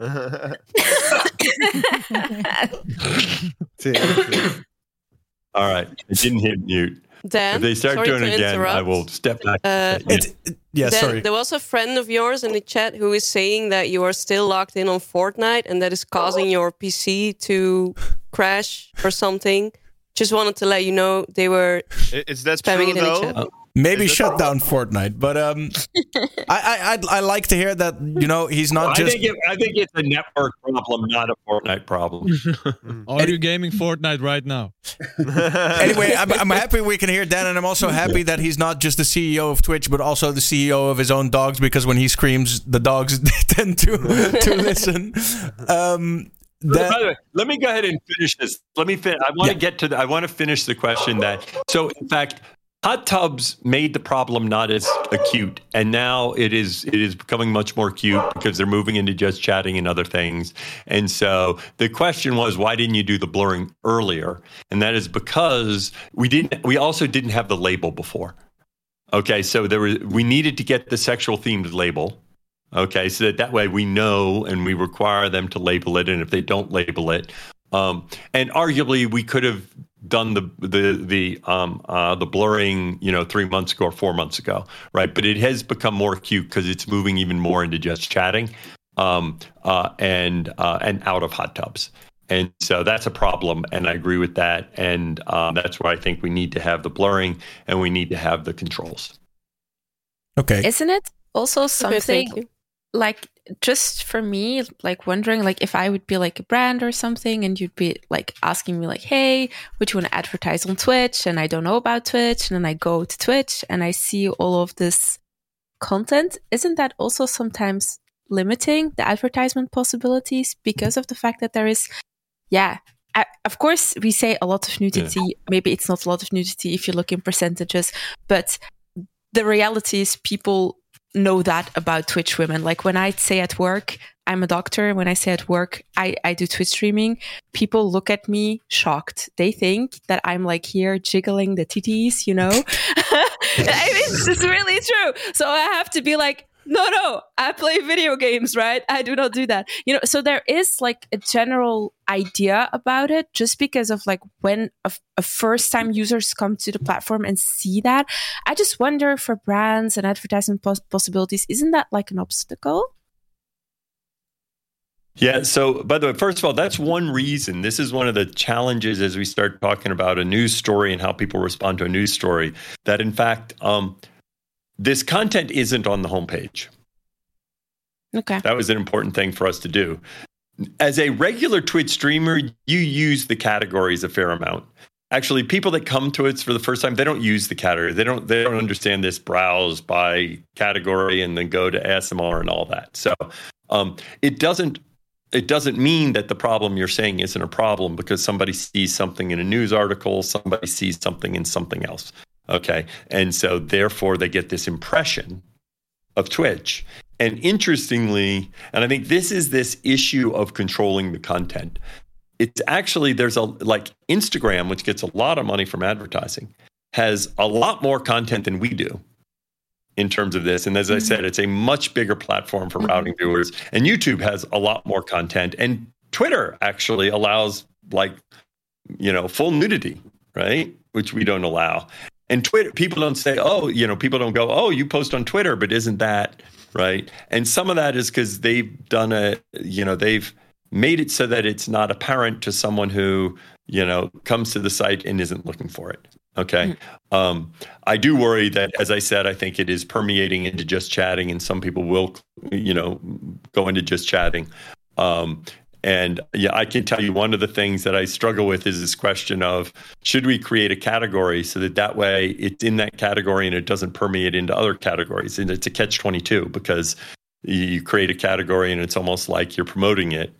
But you raise a point that we absolutely think through um, uh, and um, try to struggle. It's actually a tiny percentage of our hours watched, right? Yeah, it's yeah, like, you know, 2% or something like that hours watched. But yeah, when it when it became popular, like Nessie can can acknowledge this as well. Like they, uh, some viewers started to link the hot tub streams and like we do just dance. Yeah, they started seeing it as like the same thing. Like suddenly, I've I have been doing just dance for years, but suddenly it was a sexual thing because there were also other we- women on the platform in hot tubs and I really struggled with those comments, and I it, it's kind of uh, hard because I do agree that people can be creative in the way that they want, and if there's like a, a split between the content in terms of like a filter, then I'm okay with people having hot tub streams, but I really experienced those negative comments suddenly because of the the hot tub thing and I but do still buy feel it, like right? If Twitch they, was if kind they of like banned hot tubs right now, people would still have that idea because they don't watch Twitch. But it comes from Twitch viewers, right? Yeah, but the comments, Fems, no? Yeah, but, I but, yeah, but going meaning, to this point, Fems. Fems, finish up. I mean, because I think what you're highlighting is this is a difficult because you understand there. yeah, but you it is understand difficult, but I still felt like Twitch was that. a little bit slow in terms of taking a stance on it. Yeah. I, by the way, I think um, uh, I think we probably um, you know, like for example, on the on the apparent nudity, it came over break, which is a tricky time. One of the things that as you realize as we make changes, sometimes they have unintended impacts that we didn't anticipate. You know, for example, um, uh, when they made the change on um, there are a lot of people that wanted to use the human body as part of their artistic expression, which is reasonable. You might not know art, you might know artists that, you know, but um, uh, as soon as we allowed that, then it got overrun by, you know, nude anime category. And so we had to change that, right? And so making a change over the break. the the kind of apparent nudity that kind of started just as people were leaving, and so it was tricky to make that change over the break and make sure we were getting it right. And that's why we probably moved a couple weeks slower than we should have. So maybe you need a stricter policy or something because earlier you said some things don't just happen overnight, but these trends are happening overnight. So I think when you fix this problem and well, not yeah, the thing is, as you say, a stricter policy. The issue is you, we need to have an objective policy, and whatever is the objective policy, yeah. then they will find loopholes that we did not anticipate in how we wrote it.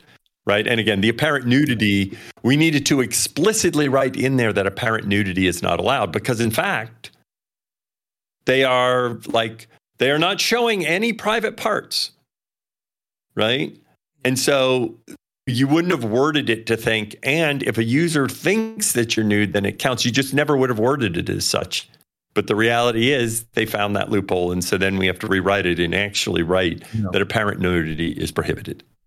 And they right. will probably still find loopholes in the future. Yeah, again and again, and that was. I'm just, point. I'm just thinking, like, if there's a some some kind of cultural difference, because uh, in in a lot of ways, I think the U.S. is a lot more uh, prude than we are over here in Europe. You know, for instance, the Netherlands was one of the first countries in the world to legalize prostitution and to put it out on display in center of Amsterdam, and we don't really um, think of sex in the same way. I think that like for we we you're allowed to show nipples on on actual television here. So I think in a lot of ways we we are a lot more liberal and and and easygoing about it. But for some reason, um, I think that over here we have more of an idea that okay, you can you can have like uh, we shouldn't be worried about showing a nipple in in in context.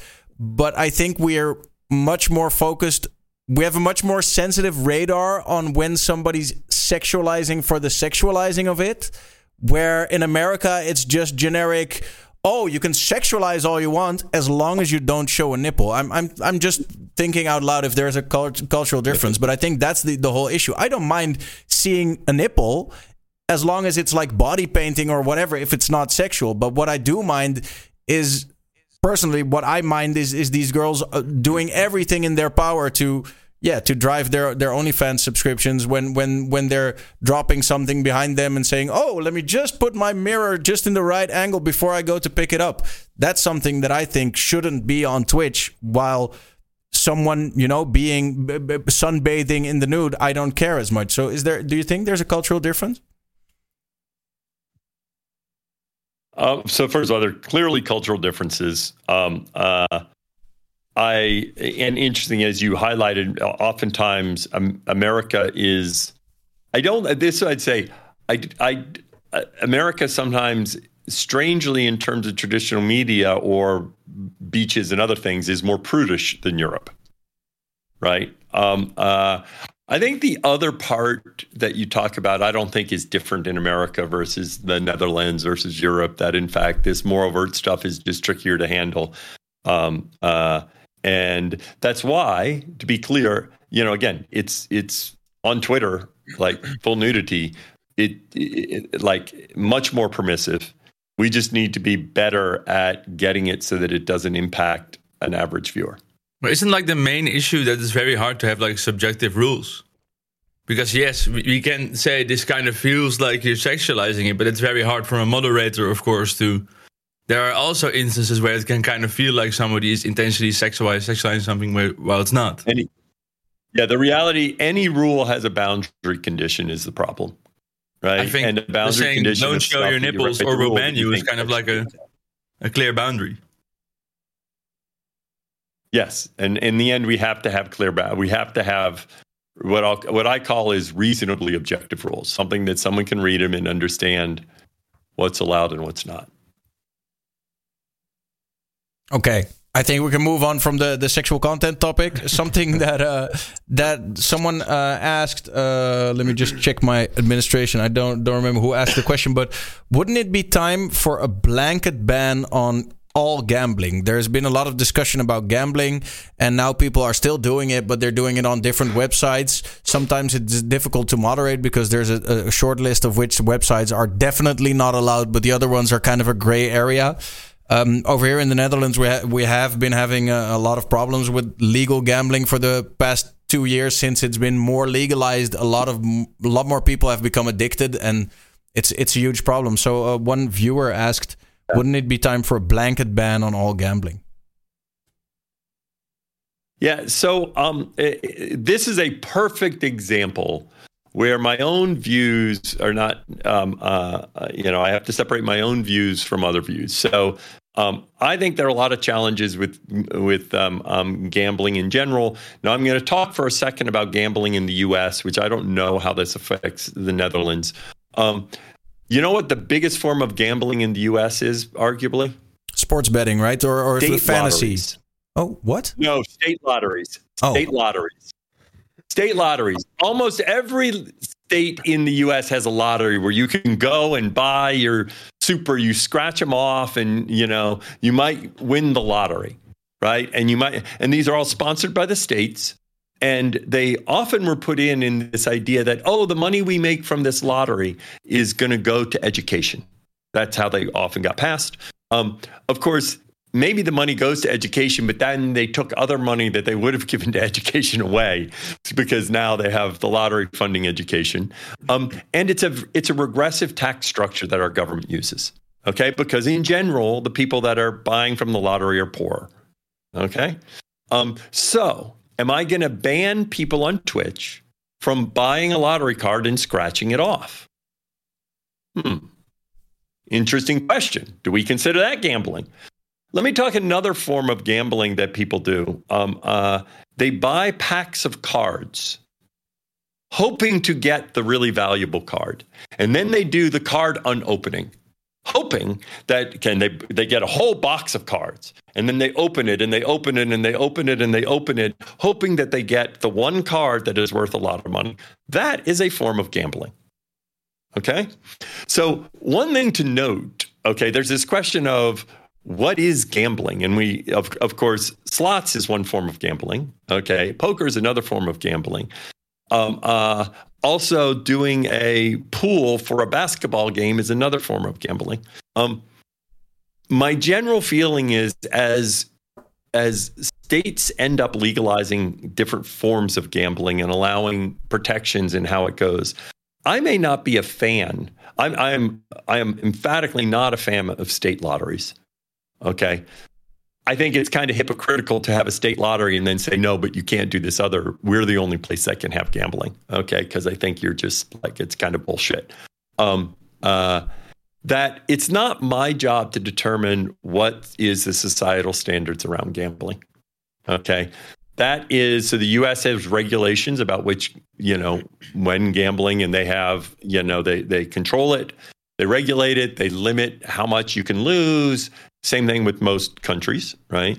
Um, the thing we outlawed was what had been happening was there were these sites that were offshore sites that were not adhering to any of the guidelines and regulations that you know the major countries had put in place to protect consumers. Okay, and those were the crypto gambling sites, and that's the thing we outlawed. Um, it is uh, again, me personally, I am not a fan of gambling. Okay. But it becomes very difficult for me to determine what gambling is morally okay and that I can allow on Twitch and what gambling is not okay, especially when, you know, the NBA is sponsored by DraftKings, right? It's hard for me to say, well, the NBA is sponsored by DraftKings, but a Twitch streamer can't be sponsored by DraftKings. Okay. Um, when the NBA is sponsored by DraftKings, and same thing as you talk about more legalized gambling in the Netherlands. So that's why we picked these sites that were explicitly trying to avoid the regulations and policies of most of the Western countries. But we did not just say all forms of gambling because the reality is we act like that's a well defined term. It is not a well defined term. Yeah. Yeah, uh, the examples you gave kind of uh, made me realize it's more difficult than it sounds, especially yeah. if we're talking about CSGO loot boxes and stuff. Um, yeah. So, um, okay. So that's why we're yep. not getting a blanket ban on, on gambling. Um, let's throw it out to the streamers out here. Any other things you'd want to ask our friend Dan or Serpent. Uh, I do want to get back to the to the sexual thing very shortly because I saw one thing uh, very often spammed in the reactions in the Twitch chat. Uh, lots of people saying that you don't want to ban hot tub streamers because they make you so much money. I kind of felt like that's not even true. You're kind of losing. Oh wait, I didn't say that. Actually, we don't make so much money from hot tub streamers. Yeah, thank you, sir. Sorry, I interrupted you. I want to be clear. We do not make so much money from hot tub streamers. Okay, so it's yeah. more of a so so just to to to to like get it clear, it's more like you wanna not impede on female empowerment, which is which is kind of difficult. It's a fine line between allowing women to be themselves and allowing this stuff. It's it, it's a fine line yes. to thread. That's the the main reason, right? Absolutely, that's the main reason. Because in fact, arguably, if they if they do take from other streamers, we make less money on it. it is not a significant portion. We don't run ads on. Well, let me be clear. We have a po- we we make it so that advertisers can exclude that content when they run ads. Okay, that doesn't mean all advertisers exclude the content, but many advertisers do exclude the content. Going to your question about ads, that they can say, nope, I don't want this content. That's why the labels matter a lot. Okay. And so, you know, the ads we have for that content is lower. So we make less money on that content in terms of ads. Um, and I don't think it necessarily returns similar to other creators from a from a commerce perspective either. So it is not the amount of money at all. But what about subs? Don't you see like that they are gaining a lot of increased subs on the channel, which uh, in turn gives Twitch a lot of money? When they um, are so like, we uh, they do get some to this uh, content instead of just doing some other stuff you know uh, turning around uh, drawing the name on the whiteboard kind of stuff you know uh, getting a lot of subs. Yeah so um um they get subs. They don't necessarily get more subs than many of the streamers sitting here. In other words, it's not like disproportionate. It's not like, oh my gosh, we get so much more subs per viewership for that content than other creators. In fact, I think it actually may be a little bit lower. Um, uh, so certainly there is money that that Twitch makes from it, but it's not like a big portion of the money we make. The decisions here is not based upon the revenue potential of that content because it's a small percentage of content overall. Um, it certainly makes less in terms of ads. Our policies are much more driven by look, yeah, and and interestingly, when we kept hot tub streams, it was like the women at Twitch were the ones that were the the strong advocates in saying you should not eliminate this. They're not hurting anybody, um, and and that was a huge part of the decision. Fair enough. All right. Speaking on on uh, the the money aspect of it, because uh, recently a lot of decisions have been made uh, that uh, need to make Twitch profitable in the future. You've been very open about this. Twitch is not currently profitable, and layoffs and st- such are, are, one way to move towards profitability. Um, with all the steps you've taken recently, uh, how's that looking for the future? And uh, second part to my personal question is how much of a part is uh, enhanced broadcasting going to play in that, or is that just very minimal? Yeah. So one thing that's important to note, and a lot of folks like there are a lot of tech companies that are not profitable for a very long time. I think Uber is profitable now, but I think they've been only profitable for the last like six months or a year or something like that. In fact, I think 23 might be the first year that they were profitable. Um, I was at YouTube in 2012 and it was not profitable then. And I don't know when it became profitable, but I suspect it wasn't profitable till three or four years ago. And that is because they were continuing to invest in the platform. Okay. Um, and so there's always this question about do you um, uh, cut so that you're profitable now? Or do you look at the underlying fundamentals of your business and see that, yes, this business works how we're running it, and as we grow more scale, the you know the the fixed costs and the variable costs, it's like the business works. Okay, um, we're still investing in Twitch. Amazon is still investing in Twitch because you know they're bullish about the potential. So I don't want to get too caught up in this one thing about being profitable because lots of companies invest because they think there's still a lot of potential and opportunity. Um, the big thing we needed to do is make sure that the business worked in terms of the fundamental of how much we're spending on our fixed costs, how much we spend on our variable costs. And I feel very good about that now. We'll make meaningful progress this year. We won't be fully there. That's okay. Um, I think um, we had grown, we had the size of our org was just needed Twitch to be much bigger. And I felt like, no, we like, I don't even know as we get bigger that we need the org to be that size because part of this is a mindset in the valley. You know, in other words, Twitch should always operate as a small organization. We should think of ourselves as a low margin. We should not, because again, I would like more of the money to go in your pockets than me spending it some way. So, in general, all of this is a desire, and you can see this with our continued movement on revenue share of saying, no, if if we can avoid spending this money, if this isn't going to drive growth for our creators. So I feel we're in a good shape right now. And on the enhanced broadcasting, because that's uh, in beta right now. Um, oh, yeah, yeah, yeah. Yeah, just for That people who don't know, just to, yeah, to recap, so it's going to be a way for you to, instead of streaming one quality to Twitch, you're going to encode in multiple qualities, and this is going to save Twitch uh, CPU power in the cloud to, to re encode this stream to a 720p or a 3, 360p or a 240p. Um, that That's basically the thing, right? That Yeah. So, yeah. So, and I'll explain that in the long run, it probably saves us some money, but there's always this tension between the money and the quality. So, for example, we don't offer transcodes to all affiliates now. No. Most big affiliates get transcodes regularly, but many affiliates don't get transcodes. Okay. And that's because it's too expensive. Okay. The biggest motivation for enhanced, and, and by the way, it is certainly the case that as we start talking about AV1 and some of these newer transcodes and other things, they both can an opportunity to save money, but they also can cost money because, in fact, for us to transcode both to H.264, which is one standard, and to AV1 costs a lot more money. Okay, because you have to do both of them. Because we're a long way from just being able to do AV1, like years and years and years away from just being able, like 10 years probably until everyone can support AV1. So the problem is it's really driven by getting transcodes to more people and then taking advantage of these more modern transcodes so that you can improve quality. Because in fact, often you can get better quality at the same bit rate. And enhanced broadcasting allows us to get same, you know, better quality at the same cost. So there will be some savings over time, I think, but the motivation is not really the financial savings. It's more we think this is the long-term, you know, way to continue to improve quality while controlling our costs.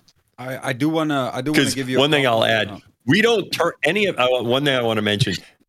Right now, it doesn't cost us money to run the transcodes. It costs us money to buy new computers to do it, and we all have the computers right now to run transcodes. It may save us from money in four years, where we'd have to buy more transcoding things. Okay, but right now, it's not. We're not deprecating any of our current transcoding capabilities.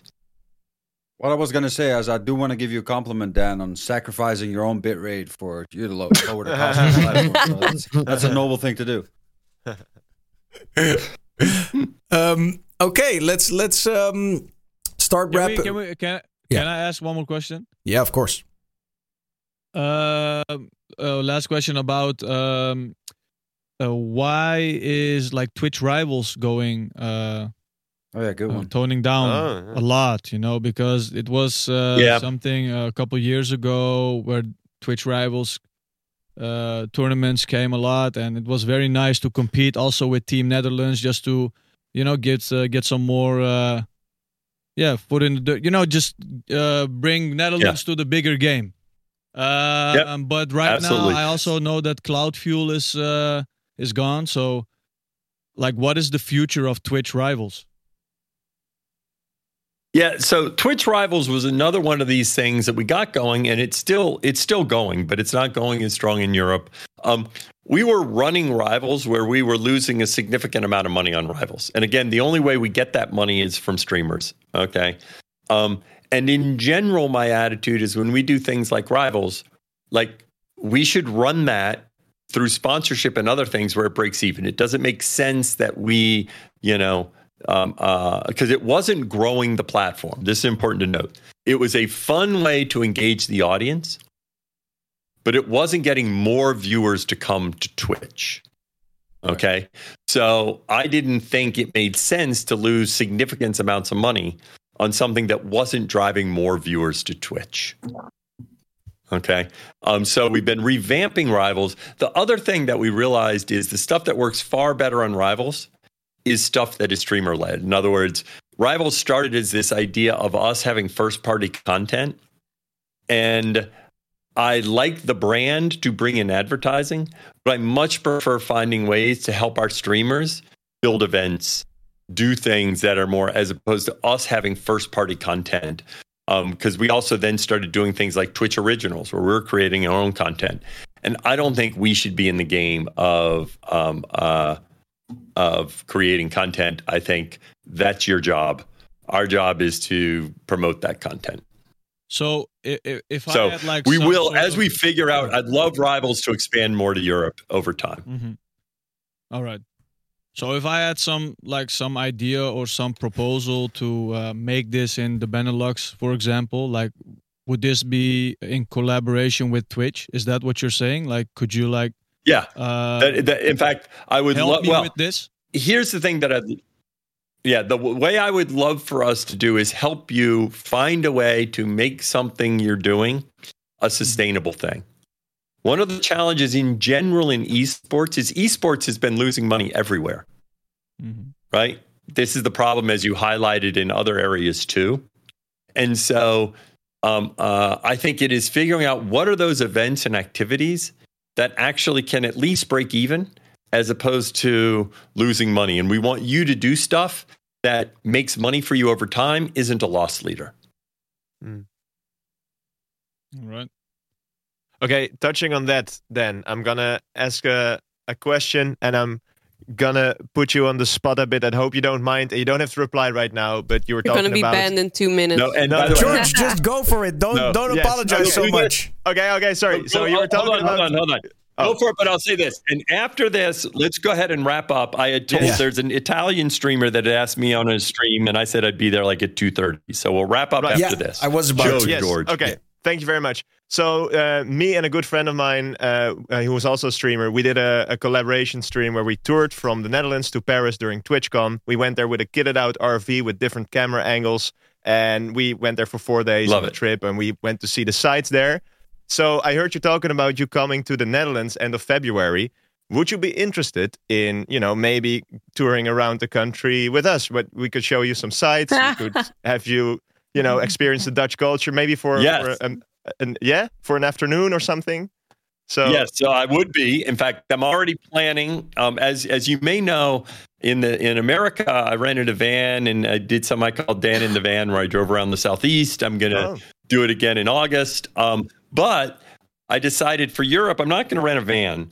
Um, mm. because uh, uh, I don't think it works as well. I'm going to do probably like Dan's European vacation, where I come over early, and I'll probably like start down like in Spain and take mm. you know the train up to the Netherlands. But I'd love to plan it for a day or two where we tour around the Netherlands. I'll definitely do that, George. Okay. Either before very... or after. We'll have to figure out on right. which side. But I like to do a lot of IRL streaming. So George, you made the request. The answer is yes. I'll, we'll do it either right before or right after.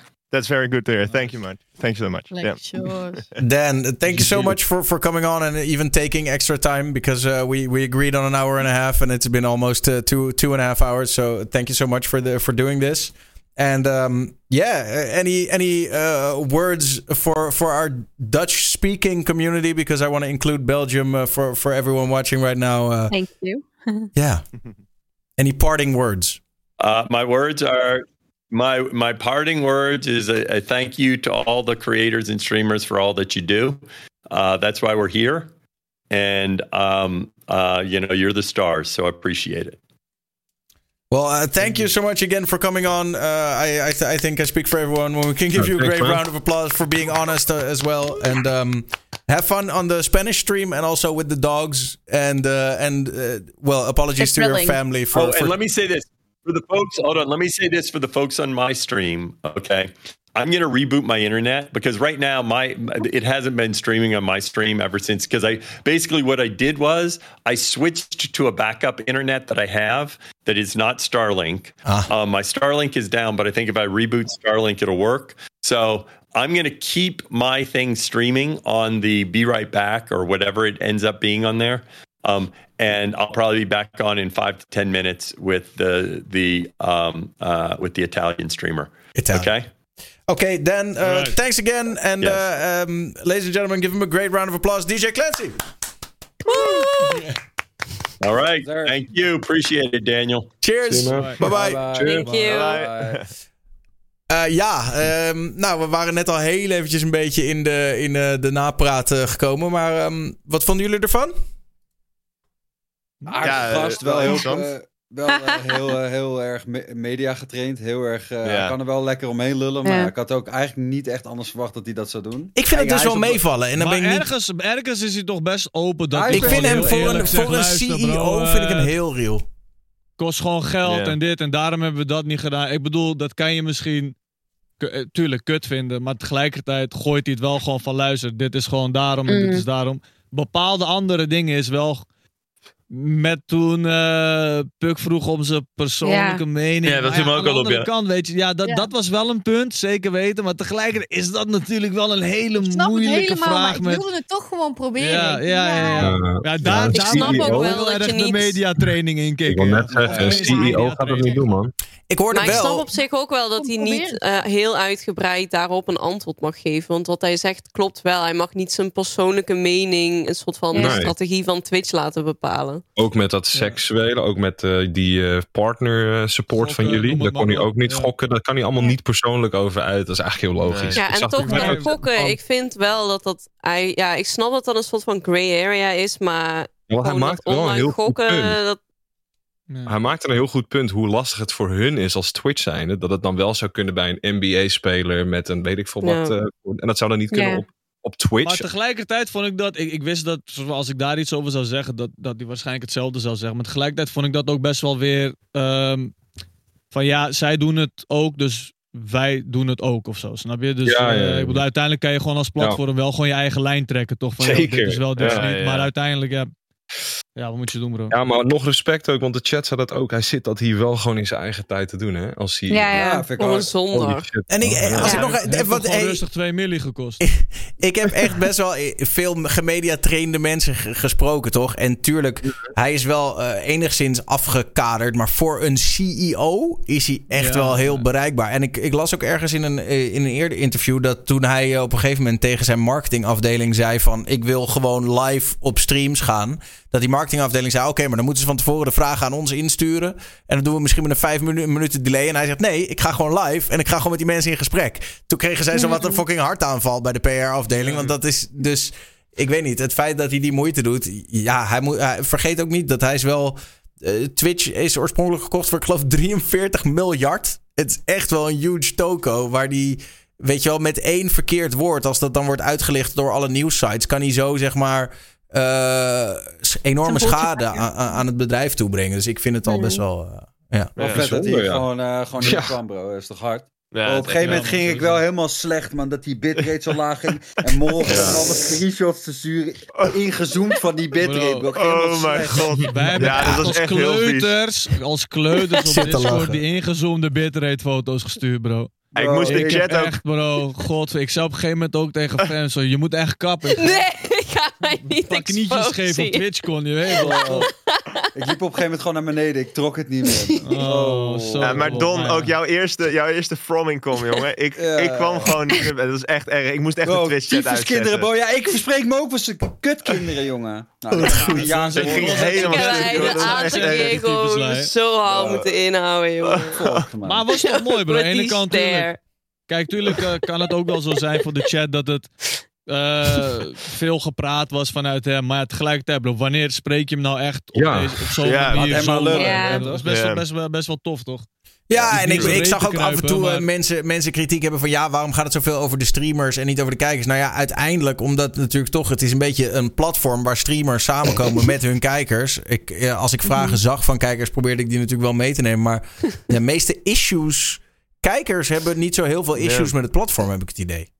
Ja, Los van de reclame. Ja. Dat blijft altijd. Ja, of met die sexual shit en zo. En iedereen heeft hier ook wel zijn vragen kunnen stellen. En eh, Rick is nog zijn deadline aan het halen. Dus volgens mij gaat het wel goed. eh. Nee, gaat niet goed. Gaat echt niet goed. oh, man. gaat niet goed. Oh shit, sorry. Iemand vroeg net, waarom heeft Rick Het enige wat ik wel nog? Omdat steeds- die dingen nooit doen, waarschijnlijk.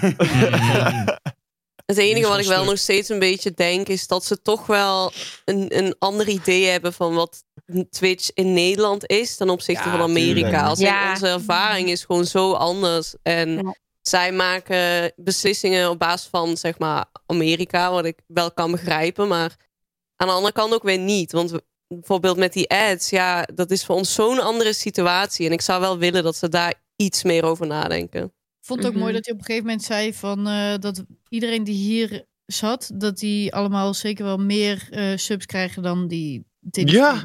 Toen Ja, die hoorde ik nou ook. Wel even, nou, de enige hier, dat is onze kaak. En eh, Ja. Bo, eh, ja. Ja, Kijk, En ook als je blijft Trek groeien, elke als keer je dat blijft vies gezicht, groeien. Kaak? Wat Waarom hè? trek je elke keer dat vies gezicht als zo'n vies scheetje hebt gerookt? Als, als iemand zo over je subs praat. Dat is dat toch? Ja, omdat v- vind ik awkward. ik hou er zo van om dat soort dingen in te zoomen bij jou. Nee, bro, maar dat vind, ik, dat vind ik awkward, bro. Dat vind ik awkward. Kijk, jij hebt zoveel lichaamsbeharing dat we die blikken van jou niet eens zien. Zit hij weer zo? Ja, bro. eh, Oh ja, ik we zouden lief doen, bro. We zouden lief doen. Ja, zouden 50 lief subs. 50 subs. Ik heb nee, wel, nee, op ik- sodemieter. ik heb wel- 50 ik- ik Er heb zit een- wel- Er zit, er zit een cap op, op die van. Ik, ik heb wel ba- badges geregeld, hoor, dus dat is top. Eerlijk? Ziek. Hmm. Ja, bro. Nou ja, goed. Ik, eh, ik denk dat we wel eh, dat, we, dat wij ook wel kunnen afronden. Eh, willen jullie nog het gebruikelijke rondje doen? Of zeggen jullie allemaal gewoon, ah joh, kom gewoon kijken en dan is het wel, dan is het wel best. Zo man. Nu Ja. begint de Nederlandse talkshow. toch? Let's go man, met de 20 Wat ik, nog wel, wat ik nog wel even wou zeggen over, over het hele, hele Belgische spektakel en de threshold voor partner, eh Nessie. Ik denk Mm. wel, ik denk wel, als, als ik kijk naar een ACID en zo, denk ik wel van ja, Nou, dat is wel Ik snap een dat het totaal ander moeilijker voorbeeld. is. hè. ja, ik snap Dat, dat, is- het dat is een moeilijker totaal ander voorbeeld. Hè. Nou ja, Acid, weet ik Acid niet. is al bezig, ja, maar Acid, Acid is ten eerste, hij is van, hij komt vanuit YouTube en hij is al bezig van toen hij, weet ik veel, 12 was of zo. Ehm, dus dat is een ander voorbeeld dan mensen die Ik denk wel dat beginnen op kan. Twitch. Weet je wel, dat is, dat is anders. Dat is echt anders. Als je enkel op Hmm. Twitch begint en ergens anders geen mega groot platform hebt, Nou, vooral zien dat je het- denk ik ook gewoon Nederlands aan kan spreken, toch? Dat het Ja, niet per se ja, betekent is dat je ook. ver bent op. België. Is ook, is ook. Maar als je echt objectief kijkt naar de cijfers van de Twitch-partners, right, diegenen die populair nu zijn, die ook platformen hebben op andere ehm, websites, is de average viewership, die halen geen cijfers van FEMS of CSM. Like, echt moeilijk. En zeker als ze geen frontpage hebben. Dat is een feit. Dat is echt een feit. Mm, mm. De, de, Nou, we gaan hier eh, off- offline nog wel even kleiner. over in discussie. Ik denk Ja, dat wel formatjes voor jullie hebt liggen.